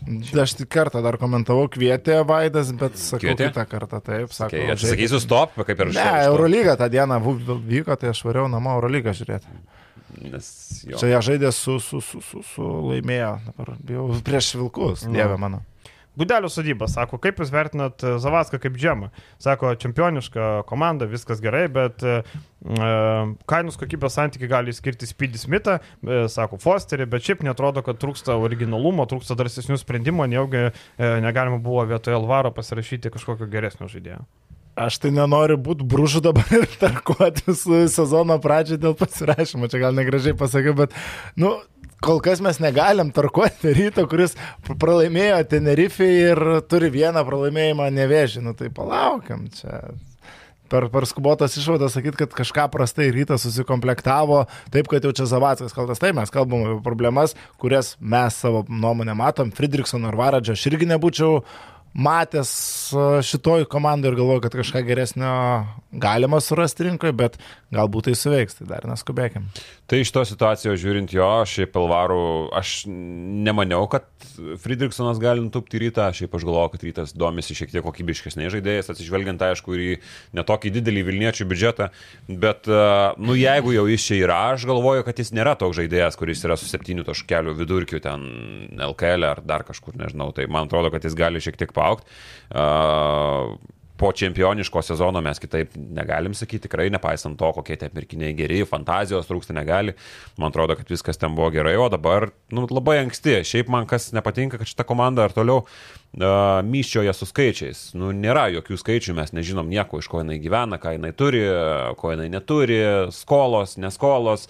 Uh, vėlgi, vienas iš savivaldybės klubų Lietuvoje. Tu reikia žiūrėti tiesiai į akis. Tai kol kas mes nematom nieko, jokios spaudos konferencijos neturėjom. Tai aš į šitą labiau žiūrėčiau, o komplektaciją vertint dar, nu, skurdi jinai yra. Trūksta fantazijos, trūksta uh, trūksta idėjos, tai ten, tai ten, bet e, numatysim dar, nevertinkim kol kas. Aš tai, tik tai smulkmenas kol kas matau ir dar aš bendro paveikslo tikrai ne, nenurašyčiau, kad čia pritruko kažkokios fantazijos. Man nepatinka, va tik Varad ir Friedrichsonas su Vitersu nepasisekė, kad netvyko, nu, tu to, nuo to nesi apsaugotas ir jau tada grįbėsi šiaudo su Lekūnu, Vitersas buvo su fantazija pirkinys ir labai taip, taip. didelė fantazija. Va, negali sakyti, kad Varadis nėra su fantazija pirkinėjęs. Jo, Varadis traukia žaidėjai iš Vengrijos ir rizikuoja, bet tai yra su fantazija. Ko, ko, bet fantazijos tai čia ne, nestinga. Bet ar tai yra geras rezultatas, tai aš nežinau. Ir ne vien Džemas perka, prisiminkim, kad Gedrius Žibienas irgi turi savo žodį. Tai čia, žinai, trūksta fantazijos, Zavasko netrūksta, bet čia ir Žibienas pirko tos su fantazija ir tos be fantazijos. Tai čia ne vieno darbas žmogaus. Tai aš tik tai ne, ne, netikėjau tikrai, kad į Lietuvos čempionų komandos gretas gali atvykti Friedrichsonas, tada, kai jisai buvo pasirašytas. Man kaip kažkada buvo labai netikėta, kai Geoffrey Loverna pasirašė Žalgiris, nu buvo netikėta, žinia. Mm -hmm. Tai lygiai taip pat man su Friedrichsonu buvo irgi netikėta, žinia, kad būtent jisai eina į Vilnių. Bet kai mes jau jį turim Vilnių, aš nu vis galvoju, kad jis nėra toks prastas žaidėjas, koks jis dabar atrodo. Ja. Uh, kitas klausimas, uh, čia toks žaidimas bus. Uh, Sako, pakankamai, ar LKL klubai pakankamai skiria dėmesio remėjam. Pavyzdžiui, sako, ar LKL klubo galit pasakyti remėją be savivaldybės ir lažybų bendrovės. Vat, pavyzdžiui, Vilkus remia vis. Jo, šitas, bet čia įsiminė dėl užpijos galiausiai. Nu, nėra, nėra, aišku, ten oficialus vežėjas yra vis, kaip sakant, e, čia taip toks juokingas e, kolumbūras lietuviškas, kad e, Vilkus remia vis. Nu, Avis ta komanda, komanda, ne komanda, o bendrovė, kuri nuomoja automobilius, bet taip gražiai skamba. Bet ar galim pasakyti bent vieną remėją? Norfa, labai pigus šūvis, remia pusę komandų. Šiaulius, Rytą, Lietkabelį. Semembetas. Tai sakė belažybininkų. Ai, belažybininkų. Žalgris langus kisti tikrai turi. Bet ant Maikio, ką turi. Ant Maikio. Volkswageną turi, pavyzdžiui. A, ant Alkalo Maikio. Taip, taip. Nu, alaus ten tas, kur čia gali neminėti, yra Žalgirio remėjas. Tada... Mm, Juventus remia Umaras, man atrodo, Utinos mėsa. Mhm. Bet, Garždus, nežinau, kas remia. Ai, Garždus, Fordas remia, mačiau logotipą. Ford. Mhm. Fordas remia. Sibeta kas remia. Vaido Vaškevičius e, žvakių fabrikas. Ne, Nu, žalgirį remia fabriką labai ne? irgi. Vaškevičius? Taip. Geras. Taip, taip. O kapų žvakės? Beje, ar tas žvakių fabrikas remia, čia aš nesu šimtas. Ne, ne, ne, aš O, čia- klu- o kapų žvakės ar tos Aš dekoratyvinės? nežinau, nu, visas turbūt, ką. Ai, Bet lie, žodžiu, žvaško. Šiaip vienas ryškesnių žalgirio Gautrys. Vaškevičius rėmėjas. iš Vaško. Ta prasme, kur matosi akivaizdžiai ir girdimas. Taip, e, nu tai čia Eurolygos apsaugos. jo. jo. Tada Neptūno kokį nors žinot, e, blemba, ne, nesugalvoju dabar Neptūno nei vieną rėmėją. Neptūnas įdomu remia Neptūną. Ne, bet žiūri, Jo. net, Hollywoodas. Daug parų žuvis, nes čia Sigito Ambrazevičius įmonė. Daug parų žuvis. Pasvalio pienų žvaigždės vienas rėmėjas, aišku, ten gali. Kažkada Norfa būdavo, nežinau, gal dabar yra. Tai kaip ir va, matot, žinom rėmėjus, bet, bet šiaip nežinau, ar per mažai dėmesio skiria. Um, o ko tu nori daugiau? Pavyzdžiui, vakar rytas įsiuntinėjo pranešimą spaudą apie tai, kad ryto krepšininkai Jeep automobilius atsėmė. Ne, nu, Jeep remia rytą. Bet ta žinutė nepatenka į plačią spaudą. Nes, nu, reikia suprasti, ryto fanai gal pamatė Facebooką viską, bet ne ryto fanai, ten, kurie neturi Facebook arba nesika ryto puslapio arba Instagramo, jie to žinutės nematė. Rytas dėmesio daug darė, parašė pranešimą, sudėjo nuotraukas viską, bet, nu, žiniasklaida jau nemokamai džipo nenori reklamuoti. Tai yra grinai reklaminė žinutė. Ir šiaip reikia kartais suprasti, kad ta reklama veikia net tuo tiesioginiu būdu, kad va, žinau, kad tą klubą remia tas, dėl to pirksiu. Tiesiog to logotipo matomumas, jisai sėda į pasąmonę, tu tarkim, matai ant lipduką, ant a, parketo, matai besisukantį šitą ledą, tu kartais net neužfiksuoji, kad tu jį matai, bet tau tiesiog tas a, prekės ženklas tapo, tampa matomesnis ir labiau a, įsimintinas. Kuo dažniau tu jį matai, tu jį dažniau galbūt vartoji arba perki ir jis tau tampa primtinesnis, taip veikia labai stipriai reklama. Ir netgi a, čia buvo kuriama dabar programa, a, visai neseniai, kuri apskaičiuodavo, nu, nežinau, kiek jinai paleista dabar, kiek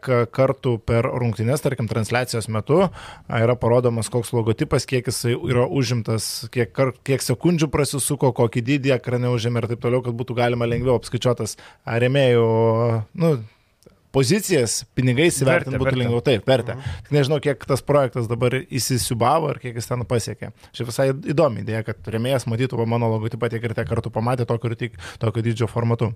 Kažkada šitą remėjo e, visą paketą, kiek kainuoja, skaičiavo LSU universitetas su Balčiūnu prieš akį. Tai jie skaičiavo, dabar LSMU, tuo metu LSU dar būdavo. Tai jie paskaičiavo ten maždaug kiek kainuoja, nes būdavo labai sudėtingai vertinti per transliaciją, kiek tas ledas kainuoja, kiek ten tas parodimas kainuoja maždaug, žinai. Ir būdavo dar tais senesniais laikais, kad tie nepasiremėja, nu tai čia per ledą parodys. O tai kiek čia dabar kainuoja, tai čia 100 eurų ar 200 eurų. Tai vat, tie klausimai būdavo labai aktualūs. Tai va, da, dar remėja prisiminiau labas gas, nu, bet čia irgi pavadinimas. Tai, Tai va, tai nesiskaito. Nesiskaito. Na, aš prisimenu remėją, žinai, Kauno Žalgeris, Kaunas remia, tai, nu, netinka. Netinka, okay. E, kitas klausimas buvo apie ką čia buvo, apie Milaknį, kad į to fašą nuėjo, gal reikėjo Žalgerį susigražinti, nu, Žalgerį nereikėjo susigražinti, bet džiugu, kad pagaliau Artūras, vat, e, Bursas to faš keliauja, čempionų lygos komanda, Dimitris Priftis treniruoja. Šiaip e, Bursos komandoje yra žinomesnių vardų ir Enisas yra komanda nebloga, manau, Milaknis turėtų rasti vietą, bet man kažkaip norėjos, kad Milaknis vat, e, savo tais paskutiniais metais nu, Lietuvoje sužaistų. Gal dar ne paskutinis sezonas, aš manau. Nu gal, bet, Paim. bet vasarą paimsim, gal treniruotę su juo ten susimėsim. Asmenį 100 eurų. Nenorėtum su snaip... Va, reikia pagerinti snaiperių įgūdžius, man ir tau. Pasisamdom Milaknį ir po to Vilių dėsim Twin Sport į vieną kasą, aš galvoju. Kairį Tomasas ir Robas Grėjus dar ten žiūri žaidžia. Robas Grėjus, Geri. Monakė buvęs. Monakio, buvęs Europos taurės vienas žvėrių, kuris Eurolygoje paskui taip ir nepritapo galiausiai. Tai va, tai, nu, smagu, kad dar pažais kažkur Europoje. Aš manau, kad dar sužais ir Lietuvoje spės. Aš ir galvoju, kad ne paskutinis dar jam sezonas. Kaip manote, ar nelaikas Milakniui skambinti Češkui, nu čia jau klausimai buvo turbūt Čia- iki to. Aš galvoju, kad Virgis jau tikrai buvo paskambinęs ir ne kartą, ar turui nepergyvink, kad Virgis su telefonu dirba. Ten, a, tarp greitų rinkimo numerių buvo Milas, man atrodo, įvestas, kur ten kiekvieną dieną aš ryto, nu, ar turai, tai kaip? Tikrai, tikrai buvo mintis, nebejoju net. Įdomus klausimas, Balčiūnas paskelbė, kad norint sužaisti draugiškas rungtynės su NBA, kainuotų 15 milijonų. Logiškas klausimas mūsų skaitytojo. Tai kaip Izraelio antros lygos komanda sugeba sužaisti su NBA klubu E, taigi 15 tai milijonų tai neturi. Aš irgi negaliu suprasti, iš kur tie skaičiai. Matai, klausimas yra apie tai, ar į Lietuvą atsvežt. Ne? No. Tai dviejos rungtynės. Tai ar tiek 15 milijonų gaunasi iš kur aš nežinau, bet tarkim tas palyginimas su Izraeliu. Uh, Lietuvai į Lietuvą atvažiuoti NBA klubui neapsimoka nei per kur. Nu, jie nedarys šiaip savo išvykų daro visada tos išvykos vyksta NBA klubo su tikslu. Dabar Dallas Mavericks paskelbė, kad e, veikiausiai, nežinau, jau paskelbė, bet buvo toks gandas, kad veikiausiai kitą sezoną sužais Madride. Tai interesas į Madridą važiuoti yra. Koks interesas į Lietuvą? Nulis, zero, jokio. E, koks interesas sužais su Izraelio komanda? Nu, interesas yra labai daug startupų, labai daug e, verslų yra Izraeliui. Gal, gal aš spėju, man atrodo, kad čia yra visas principas iš tos pusės. Visiškai sutinku ir uh, tik nežinau, tai čia su tais 15 milijonų irgi nesusiečiau, bet nu Japonija jie skrenda žais su prastom komandom dėl pinigų, dėl verslo, dėl e, brendo. Tai Japonija matai rinką didelę. Ir Rui Hačimūra nuvežė tenais sužais, nu tai visiems įdomu, visiems smagu pažiūrėti, kaip Hačimūra kapoja, o ką jie Lietuvoje veiks, tai gal dėl to tie 15 milijonų ir kainuoja, jeigu tu nori viską pats padengti ir ten prisivilioti kažkaip kažką dar sumokėti Bet, nu, tai aš tai nematau tikslo. Pinigų, čia, čia, man sąmonė. atrodo, iki Makso Verstapino buvo Olandas Formulė 1 e, etapas Olandijoje. Majo, Olandijoje, blemba, man atrodo, kad buvo. Buvo? Man atrodo, kad buvo, žinau. Nes ten visiškas hypas kilo, kai Verstapinas iškilo. Taip, taip, taip. Tai dar iki tol jo tėvas važiavo. Jo. Aš atsimenu jo tėvo highlightą, kai jisai atsilikdamas ratu, jį lenkė Juanas Pablo Montojas, jiems šiknai važiavo. Tas buvo pirmoje vietoje, tas atsilikinėjo ratu. Čia... Montoja iš šiknais įvažiavo. Montoja Josefas... dažniausiai iš šiknas visiems jau. Jo, bet jis tuo metu lyderiavo ir Josefas Verstapinas praleidinėjo jį ir ten e, prasilenkė, stabdė, nespėjo sustabdyti ir iš šiknai važiavo, tuo metu lyderiui. Mm. Tai va, atsimenu highlightą iš Verstapino. Aš po to, kai Montoja pasitraukė iš Formulės 1, nustojau žiūrėti, man sugriovė žiūrėjimą. Dar Ralfas Šumacheris. Jo, su BMW tada varydavo, prisipildavo mažai kūro, 10 ratų nuvarydavo ir varydavo į boksus. BMW varikliai tuo metu labai galingi buvo, galingiausi. Uh, vietoj Badirogos uh, tapę Eurolygos vadovais, ką keistumėt? Nu, davai po kokį įdomesnį. Ką keisti, neprimčiau rusų klubų, kad gal. Keisti. Išmešiau CSK šalį licenciją. Leiną darau. Ja. Leiną darau tokiu atveju. Šiaip dar, nu, tu, jūs dar užbaigit savo idėjas, aš dar paskui užvėsiu kitą klausimą, kuris buvo. Aš galvoju, na, labai Ai, su tom transliacijom, žinai, visi burnuojam, kad negalim pasižiūrėti dviejų mačų vienu metu. E, vėl apie tai diskutavau su Eurolygos atstovu, susirašinėjom pusę, pusantros valandos gal, žinai. E, suprantu jų argumentus, labai viskas aišku, jie nori, klubai renkasi laikus, taip toliau, taip toliau, e, sako reitingai, jų žiniom man tikslų skaičių niekas negali pasakyti, nu aišku, tai yra slapta, žino, kad aš po to išplėpėsiu, e, tai nieko nepasakys, bet jų, jų paskaičiavimo, tarkim, Valencija ir Baskonė rungtynės, Ir kitos rungtynės, kurios tuo metu vyko, tai Valencija Baskonė susirinko beveik visą ispanų auditoriją. Joks kitas ispanas, kuris turi Euroleague TV, nesijungia kito mačo tuo metu. Sako, tai yra 98 procentai žmonių, kurie yra Ispanijoje ir žiūrėjo tuo metu Eurolygą, žiūrėjo tik tą mačą, kito nejungia. Tai žodžiu, jie turi argumentą paprastą. Jeigu tu esi lietuvis, pavyzdžiui, žiūrėsi šiandien Žalgris Olimpijakos, tuo metu tu neįsijungsi kito grajaus. Viskas paprasta. Tai jo, bet jeigu tau nesutaps, tai tu gal įsijungsi tada pasibaigus valencijai. Nu, tipo, jie sako, kad per maža auditorija iš tos šalies, jeigu nėra tų rungtinių, jie man kaip pavyzdį sako, ispanų komanda, ispanai nežiūri tuo metu, kaip žaidžia Cervenas Vesda su Pantnaikosu.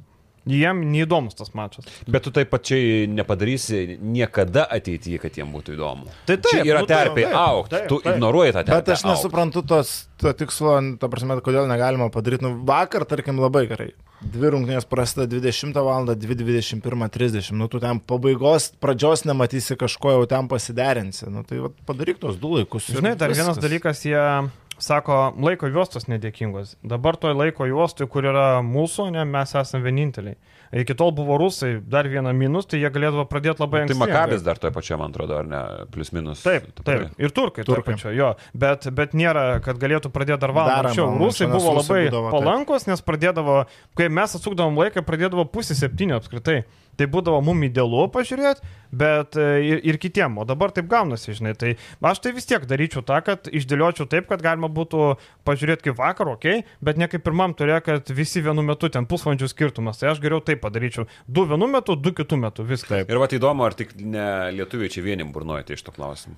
Tai matyt, kad man sakė, kad e, skundų nėra iš kitų. Tai va aš taip ir, taip ir manau, kad o Lietuva visiškai giliai nusišiltų. Kitas dalykas, man atrodo, buvo ten klausimas apie tai, ką mes įvestume, kokią taisyklę. Tai palauk. Aš dar... Ai, okay. Ne, tai aš tokį labai žemai kabantį obolį, aš finalo ketvirtą sistemą naikinčiau ir daryčiau vis dėlto serijas. Man. Iki trijų? Mm. Gal ketvirtfinalį sumažinčiau iki dviejų, tarkim.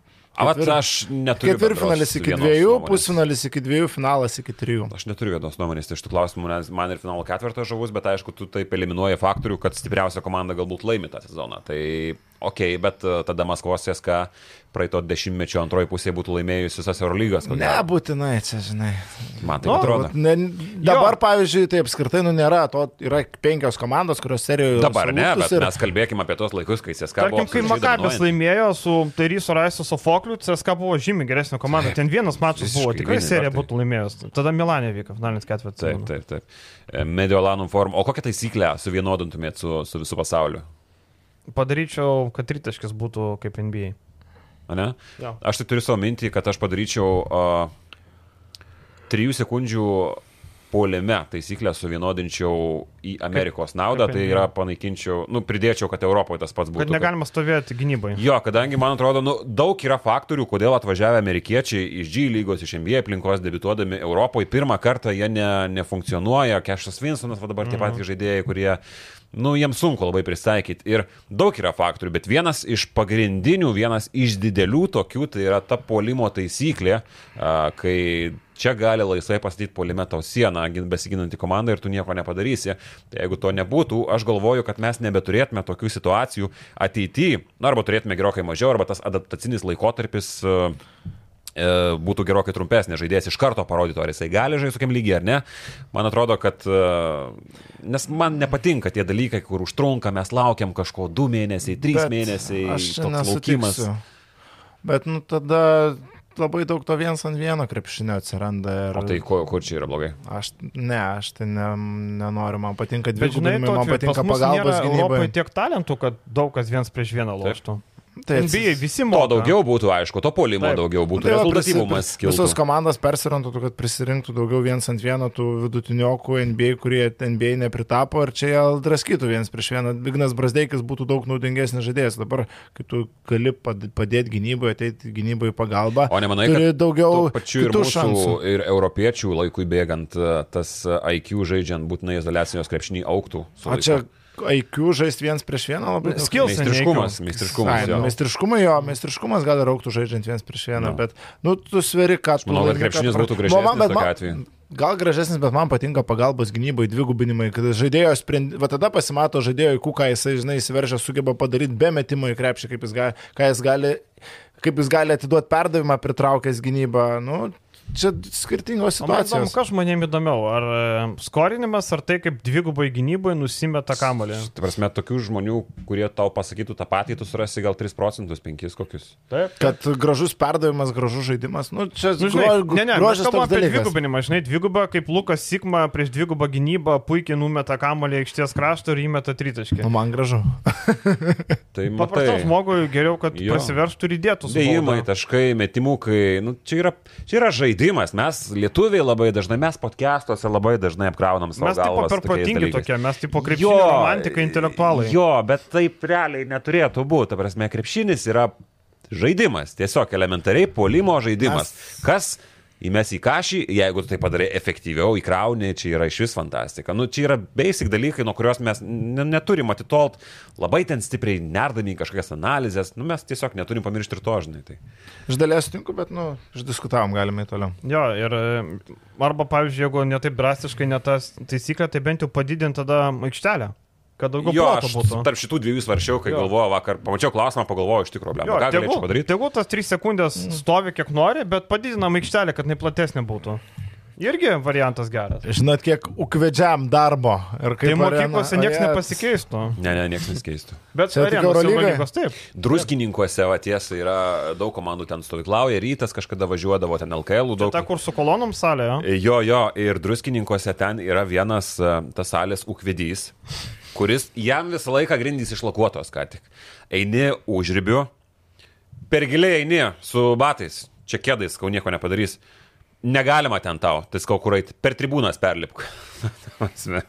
toks, kur mo, kiekvienoje mokykloje toks e, mokytojas būdavo, tai, tai jisai ten šeimininkavo. Aš nežinau, dar jisai yra ten gyvas ar ne, bet buvo toks. Geras buvo klausimas, ar galima krepšinį komentuoti be angliškų pasisakymų. Labai daug laiko sulaukė, nes sako, vyresni žmonės nesupranta, pabandykit paklausti savo tėvų, ar jie bent kažką supranta. Labai geras klausimas ir aš diskutavęs ne kartą esu su, su, su, su ir jum, ir e, kolegom, kas tai bebūtų, ar tai e, šiaip šlešas labai daug to turėjo, aš nežinau, dabar aš jį Ir va, ma- matau žinai, kas yra LKL. geras dalykas. Vienintelis Karolis Iškevičius e, per transliaciją, kas yra komentavęs su Totvidu visai, kai jis sako angliškai, tas savo, okei. Okay. Vienintelis Karolis sugebėjo sakyti, klausyk Totvidu, tu išverš maniem, ką tai reiškia. Mm. Šitas dalykas labai geras. Jo, labai žmonės dažnai pamiršta. Tu gali vaizduoti, kad tu žinai, ten, žinai, kas yra užsisilinimas, kas yra Iverson katas. Aš sakau, aš turėjau nesu vienu. Dinainimas. Jo, dinainimas. Aš pats uh, savo šitą pagaunu, save tai pasakant, bet tuo pačiu aš suprantu, kad tai nėra gerai. Tai reikia.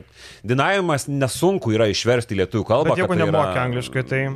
Nu, bet tu, jeigu žinai, kas yra dinavimas. Nu tai taip. Jeigu tu žinai, kad yra tas uh, neleis priimti kamulio. Tai aš turiu omeny, kad komentatoriui nesunku mhm. išversti į, į, į, bet kurį praktiškai terminą. Bus kreivas vertimas, bet tu gali paaiškinti, nes nebūtinai, kad čia kalbėti tik lietuviškai. Tiesiog kalbėti aiškiai. Rollą galbūt tokiai tu gali sakyti, nu, TV3 Sport, kuri, kuri neriboja tokių dalykų. Uh, pick and popą irgi, nors iš esmės gali pasakyti, kad 2 prieš 2 su atšokimo atgal. Uh, Jis iš esmės, nu, labai daug ką tu gali paaiškinti. Tai man, sakau, man labai daug kur būna, su ryčiu irgi diskutavom Eurobaskete, kad uh, sako, nu, šiaip tai jau jeigu žmogus kažkai žiūri, Iverson ką tai jau turėtų žinot. Nu, nežiūri, nežino. Ne, ne, žmonės. ne, Niekas ne, nežino. Ta ne. prasme, čia yra Procentaliai keli procentai, žinotų. Taip. Net net TV3 sporto Ir dėl to aš pats vartoju ir tai yra blogai kartais, aš prigaunu save ir dėl to, aš- nu, šitas klausimas, manau, kad geras, kurį uždavė mūsų šitas Taip, taip, taip, aš visiškai pritariu. Žinai, aš galvoju apie tuos an- angliškus irgi ten. Ten jau būna per daug ten. Iš Bambergo situacijos padarė taip, kas yra Bambergo situacija. Ir dar vienas dalykas, nu, neda, čia prieš tai su buvusia tema, nu nedarykim iš krepšinio visiško mokslo komentuojant. Penktadienio vakaras Eurolyga, aš jau matau, kaip atsisėdė vyrai su sosvinukais, o mlemba čia Iverson kata padarė, okei, okay, nudinaino, čia dabar po pikiam popo antrą užtvarą prakirs, uh, išėjo ketvirtas numeris, čia dabar, nu nežiūri, taip žmonės. Ispaniškas pick and rollas nugarinį Va, užtvarą. va, va, va, dabar va bus labai įdomu, kaip ta ispaniška pick and bet, rollą čia. prasme, jeigu tu, bet čia yra pateikimas. Jeigu tu pateiki tai gerai, atliko ispanišką pick and rollą, tai reiškia, kad dabar gynėjas atšoko atgal ties tritaškių. Bet- ir viskas, tai yra gražu labai. Žinai. Bet nereikia ties to užsiciklinti. Nereikia kiekvieną ataką, nu čia mano nuomonė apie komentavimą, kaip aš matau, nu nereikia. Žmonės, kurie supranta gerai krepšinį ir geriau supranta negu mes ir be mūsų pastebėjimų apie Iverson katus, jie žiūri ir supranta ir mato. Eiliniam žiūrovui, kuris labiau orientuotas į emociją, į tiesiog gražų žaidimą, to per daug nereikia. Jeigu tu kažkiek padėjai jam suprast, kas daugiau vyksta, kodėl čia toks keitimas įvyko, kodėl čia dabar jie keičiasi gynyboje, o, nesi, o šitas aukštūgis nesikeičia, aš manau, tai yra ta riba, kurios ir pakanka, o ten apsikraut, nu, trenerių derinių knygom, nežinau, kiek tai yra tikslinga ir kiek tai yra galų gale. Aš iškelsiu netgi tokią nuomonę, tai gali net atbaidyti žiūrovą. Aš žmogus įsijungia, kuris mažai žiūri tą krepšinį, nu, pasižiūri kartą į mėnesį. Pavyzdžiui, Batava šeštadienį įsijungia. Arba Taip, įsijungia ir jisai pradeda suprasti, kad jis, nu, nesupranta, apie ką čia šneka, ir tai jam gali gautis atmetimo reakcija. Nu, kodėl, ką, kas tas tepautas, kas tas uh, svičiolas, koks čia pomp, fejkas, ta prasme, einu, aš geriau įsijungsiu tada laidą, kur aš suprantu, ką aš šneka. Aš- Kaukės. Jis tikrai, ne, jis tikrai nesijungs uh, dabar YouTube ir nežiūrės, ką kiekvienas iš tų terminų reiškia ir kaip tai atrodo. Tai gali, nes to, ko tu nesupranti, tu automatiškai gaunasi atmetimo reakciją. Aš tai galvoju, kad yra elementarūs terminai, kuriuos, nu, jau žmonės yra įsikalinę į galvą ir jie jų žino, tai yra tie elementarūs and popai, and rollai, Step-outas. stepautas. Nu, tai yra, nu, iš esmės, mūsų vat, kana, kanalais per gautris tai yra vartotiniai terminai, iš esmės, nes, nu, mūsų už tai niekas rankų nelaužo. Bet jau sakau, su visais tais gilesniais derinių pavadinimais ir panašiai, judesių pavadinimais, reskrynas jau tu irgi turi paaiškinti, kas yra, nes iš esmės tai, nu, gali išmastyti, kas tai yra, bet, nu, hebra, nu, mes to kiekvieną dieną nevartojam. Tai va šitie dalykai. Tai žinai, man dėl to ir labiausiai patinka tie komentatoriai, komenta, komentatoriai gerai ir negerai, čia skonio reikalas. Čia, žinai, kažkam patinka Kesminas, kažkam Žilva, kažkam man Tautvits patinka, kažkam Vilius, ok.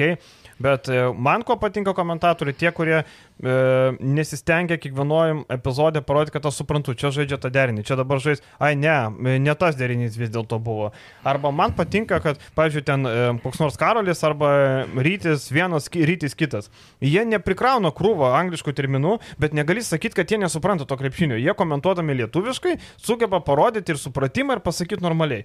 O tie ekspertai kaip Benas Matkevičius, ten ar Tautvidas Šlešas ar kažkas, jie kartais per daug terminų prikrauna, tuo anglišku, tada tam kitam ką daryti, jį taisyti. O va, geras buvo, reikia taisyti transliacijos metu ar ne savo kolegą. Juk, pavyzdžiui, tavo kolega sako... Klausimas irgi tarp apie jūs. Sako, polimas. Reikia taisyti, kad polimas, o ne polimas. Ai, ne, čia ne apie tą dabar. Ne, ne, nu, nu jo, bet čia buvo ta, ta, ta pati tema. Taip. Jo, ta prasme, reikia taisyti tik tai netiesioginė meterį puolimą, nu, tu pasispaudai. Bet Rolandui Ručiui šešto neišmušėme, jis buvo čia podcast'e, mes jam sakėme. Mes podcast'e laisviau šnekiniai transliacijos sakom, ne puolimas.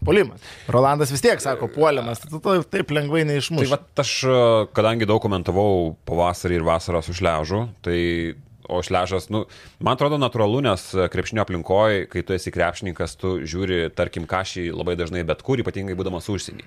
Užsienį niekas, visiems pofik, ar tai yra Sergio, ar tai yra Sergijos Kariolo. Nu, jiem niekam neįdomu. Mm -hmm. Jisai tiesiog yra žmogus, treneris Kariolo ir viskas. O kaip tu ištarsi, koks skirtumas. Tai, nu, vat, e, būdamas buvęs krepšininkas, jis akivaizdu turi tokių labai daug angliškų terminų, kurių niekas nesupranta. Tada pavardžių tarimas, nu, tai situacija vyksta paprastai.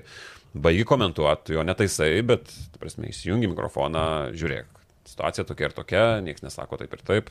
A, viskas tvarkoja. Šiaip šlešas imlus labai, tai ten su juo viskas Taip, tvarkoja. viskas bet- maladės, Ir bičias. sakau, aš labai suprantu, kai žmonės eina iš krepšinio aplinkos. e, Ir, ir, ir, ir arba tas pats vat brūžas, kai vat, kartais mm būna su juo, su, su, buvo su, su, su pavardėm. Bet jis labai dažnai, kai skautina, aš įsivaizduoju, kad, e, nu, žiūri transliacijas nebūtinai lietuviškas. Ir jisai nebūtinai žino tą tikslų tarimą pavardės. Arba Ties kitais dalykais ciklinas. Taip, Jis žiūri taip. va būtent visus Iverson katus ir taip toliau. Ir šiaip dar dėl tautvido šležo aš pastebėčiau, kad LKL jisai bando labai stipriai prisitaikyti, jam yra Mhm. akivaizdu pasakyta, kad šiek tiek mažiau tų anglicizmų, mažiau šiek tiek to visko. Ir jeigu jūs pabandot iškevičius ten išklausė jo, tai ties to yra dirbama ir pats šležas tikrai stengiasi ir viskas ten yra Jo, bet jisai dar nedaug komentuoja, tai jeigu padirbės metus kitus, tai tikrai pamatysim, kad jis tuos terminus pradės naudoti tada, kada reikia. Gal žinai, dabar galvoja, galvoja, tu ateini kaip ekspertas, tai ne va čia dabar turi pažiūrėti tokių išvalgų, kad visi bus apšalę. Bet po to laikui bėgant ateis suvokimas, kad nu jo, blemba, gal čia reikia mažiau, bet reikia tokios tikslesnės informacijos ir viskas. Kaip ir mes sakėm, mes tą kažką romantizuojam ir padarom čia raketų mokslą, į kosmosą leidžiam NASO's palidovą, žinai.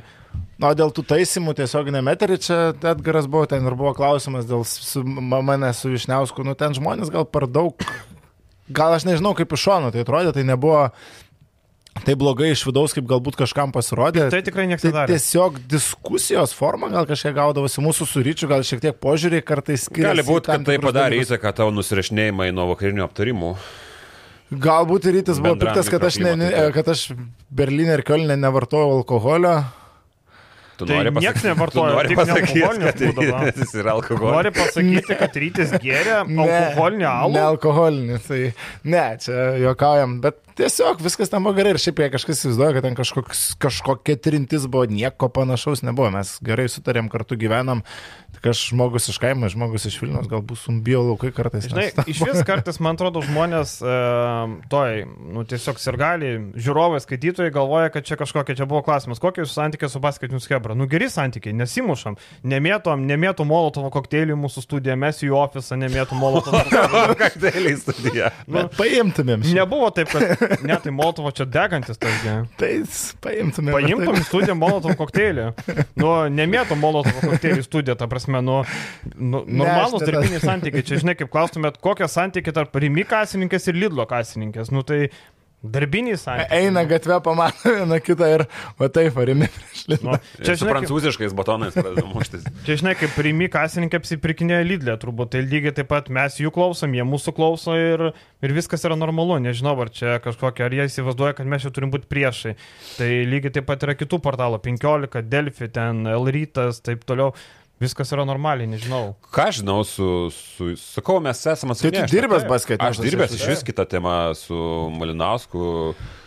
Geri, geri Lekšų, jo, bendraujam tikrai, su pačiu Miklovu kalbėjome Eurobaskete, Tiškė atvažiavusias toks linksmas į Eurobasketą, ten susimojavo iš karto, tai einam prie, tada prie sekretariato, rėkia kažkas iš tribūnų, su Mikaičiu dviese, tai mm. normalų santykiai, geri vyrai, ką žinai. Tai su Lekšu mes šis važinėjom kiekvieną, ne kiekvieną savaitę, bet praktiškai transliacijas kartu, tai normalų, kaip ir su vienais esi praktiškai nepažįstamas, tą reikia pasakyti, pavyzdžiui, su kokiu Gustavu Kliknanu aš su pasisveikinęs ir tai ir šnekėjęs, gal ten 30 Taip, sekundžių ar ten vanagus kažkokio, nu, prasilenk ir tiek, o su kai kuriais tie santykiai yra, nu, kolegiški, draugiški. Nu, atėjo Vulsų susitinkam arenui, paladuoda pinigų, mm, nemokam apsilankyti. Vėl nemokam. Nemokam. Taip.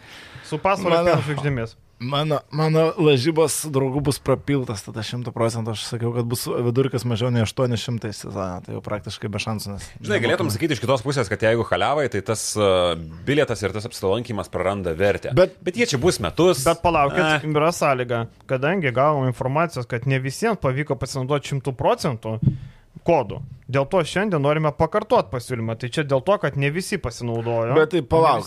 Aš turiu tada klausimą. Aš reikės, gal ne, nežinau, ar viešai kelt Martinui Pociui parašysiu. Bet tai buvo prieš tris dienas galimybė pirkti. Jeigu aš nusipirkau jau, Čia geras klausimas. Tai man gražins pinigus. Tai gal niekas nepirko? Ne, buvo nupirkta bilietų, aš buvau įsijungęs, tai čia pasižiūrėti. Mm, buvo, nu, tai? nu, va, nenoriu čia. Jau beje, reikia gal net paminėti faktą, nes ir Martinas Pocius rašė, ir Lavrinovičiai susistabdė mane jo navoje, sako, kad ten šneki per podcastą. Aš jau, jau, jau galvoju, dėl vilkų atsiimsi dabar čia. Dėl komplektai sako, kokie autobusai buvo Lietuvai. Autobusų nebuvo, buvo tik Lietuvos mokyklos. Atsiprašau, Gerai. vyrai. Alytos mokyklos, tai Alytos mokyklos autobusų nebuvo, nebuvo. Ir ištikimiausiam fanam kodukas 121 596 31. Norit nemokamą Alytaus? Rungtynės, prašom, kodukas, e, užsirašykite. O paskui Lavrinovičius sako, gerai, gerai, jūsų kritika mums padeda tobulėti.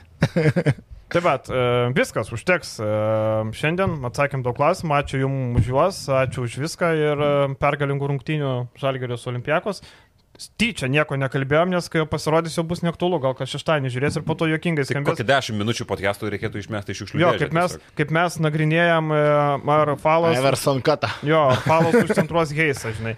Tai nepamirškit, laiko, subscribe, kažkaip sustojot, biški su subscribės kažkaip nepasakom ir tada pasakai iš karto daugiau, nepasakai ne. Tai paspauskit tą subscribe, ponai. Nu, ačiū jums. Gerų rungtinių, gerų savaitgalių pasimatų po savaitės. Iki.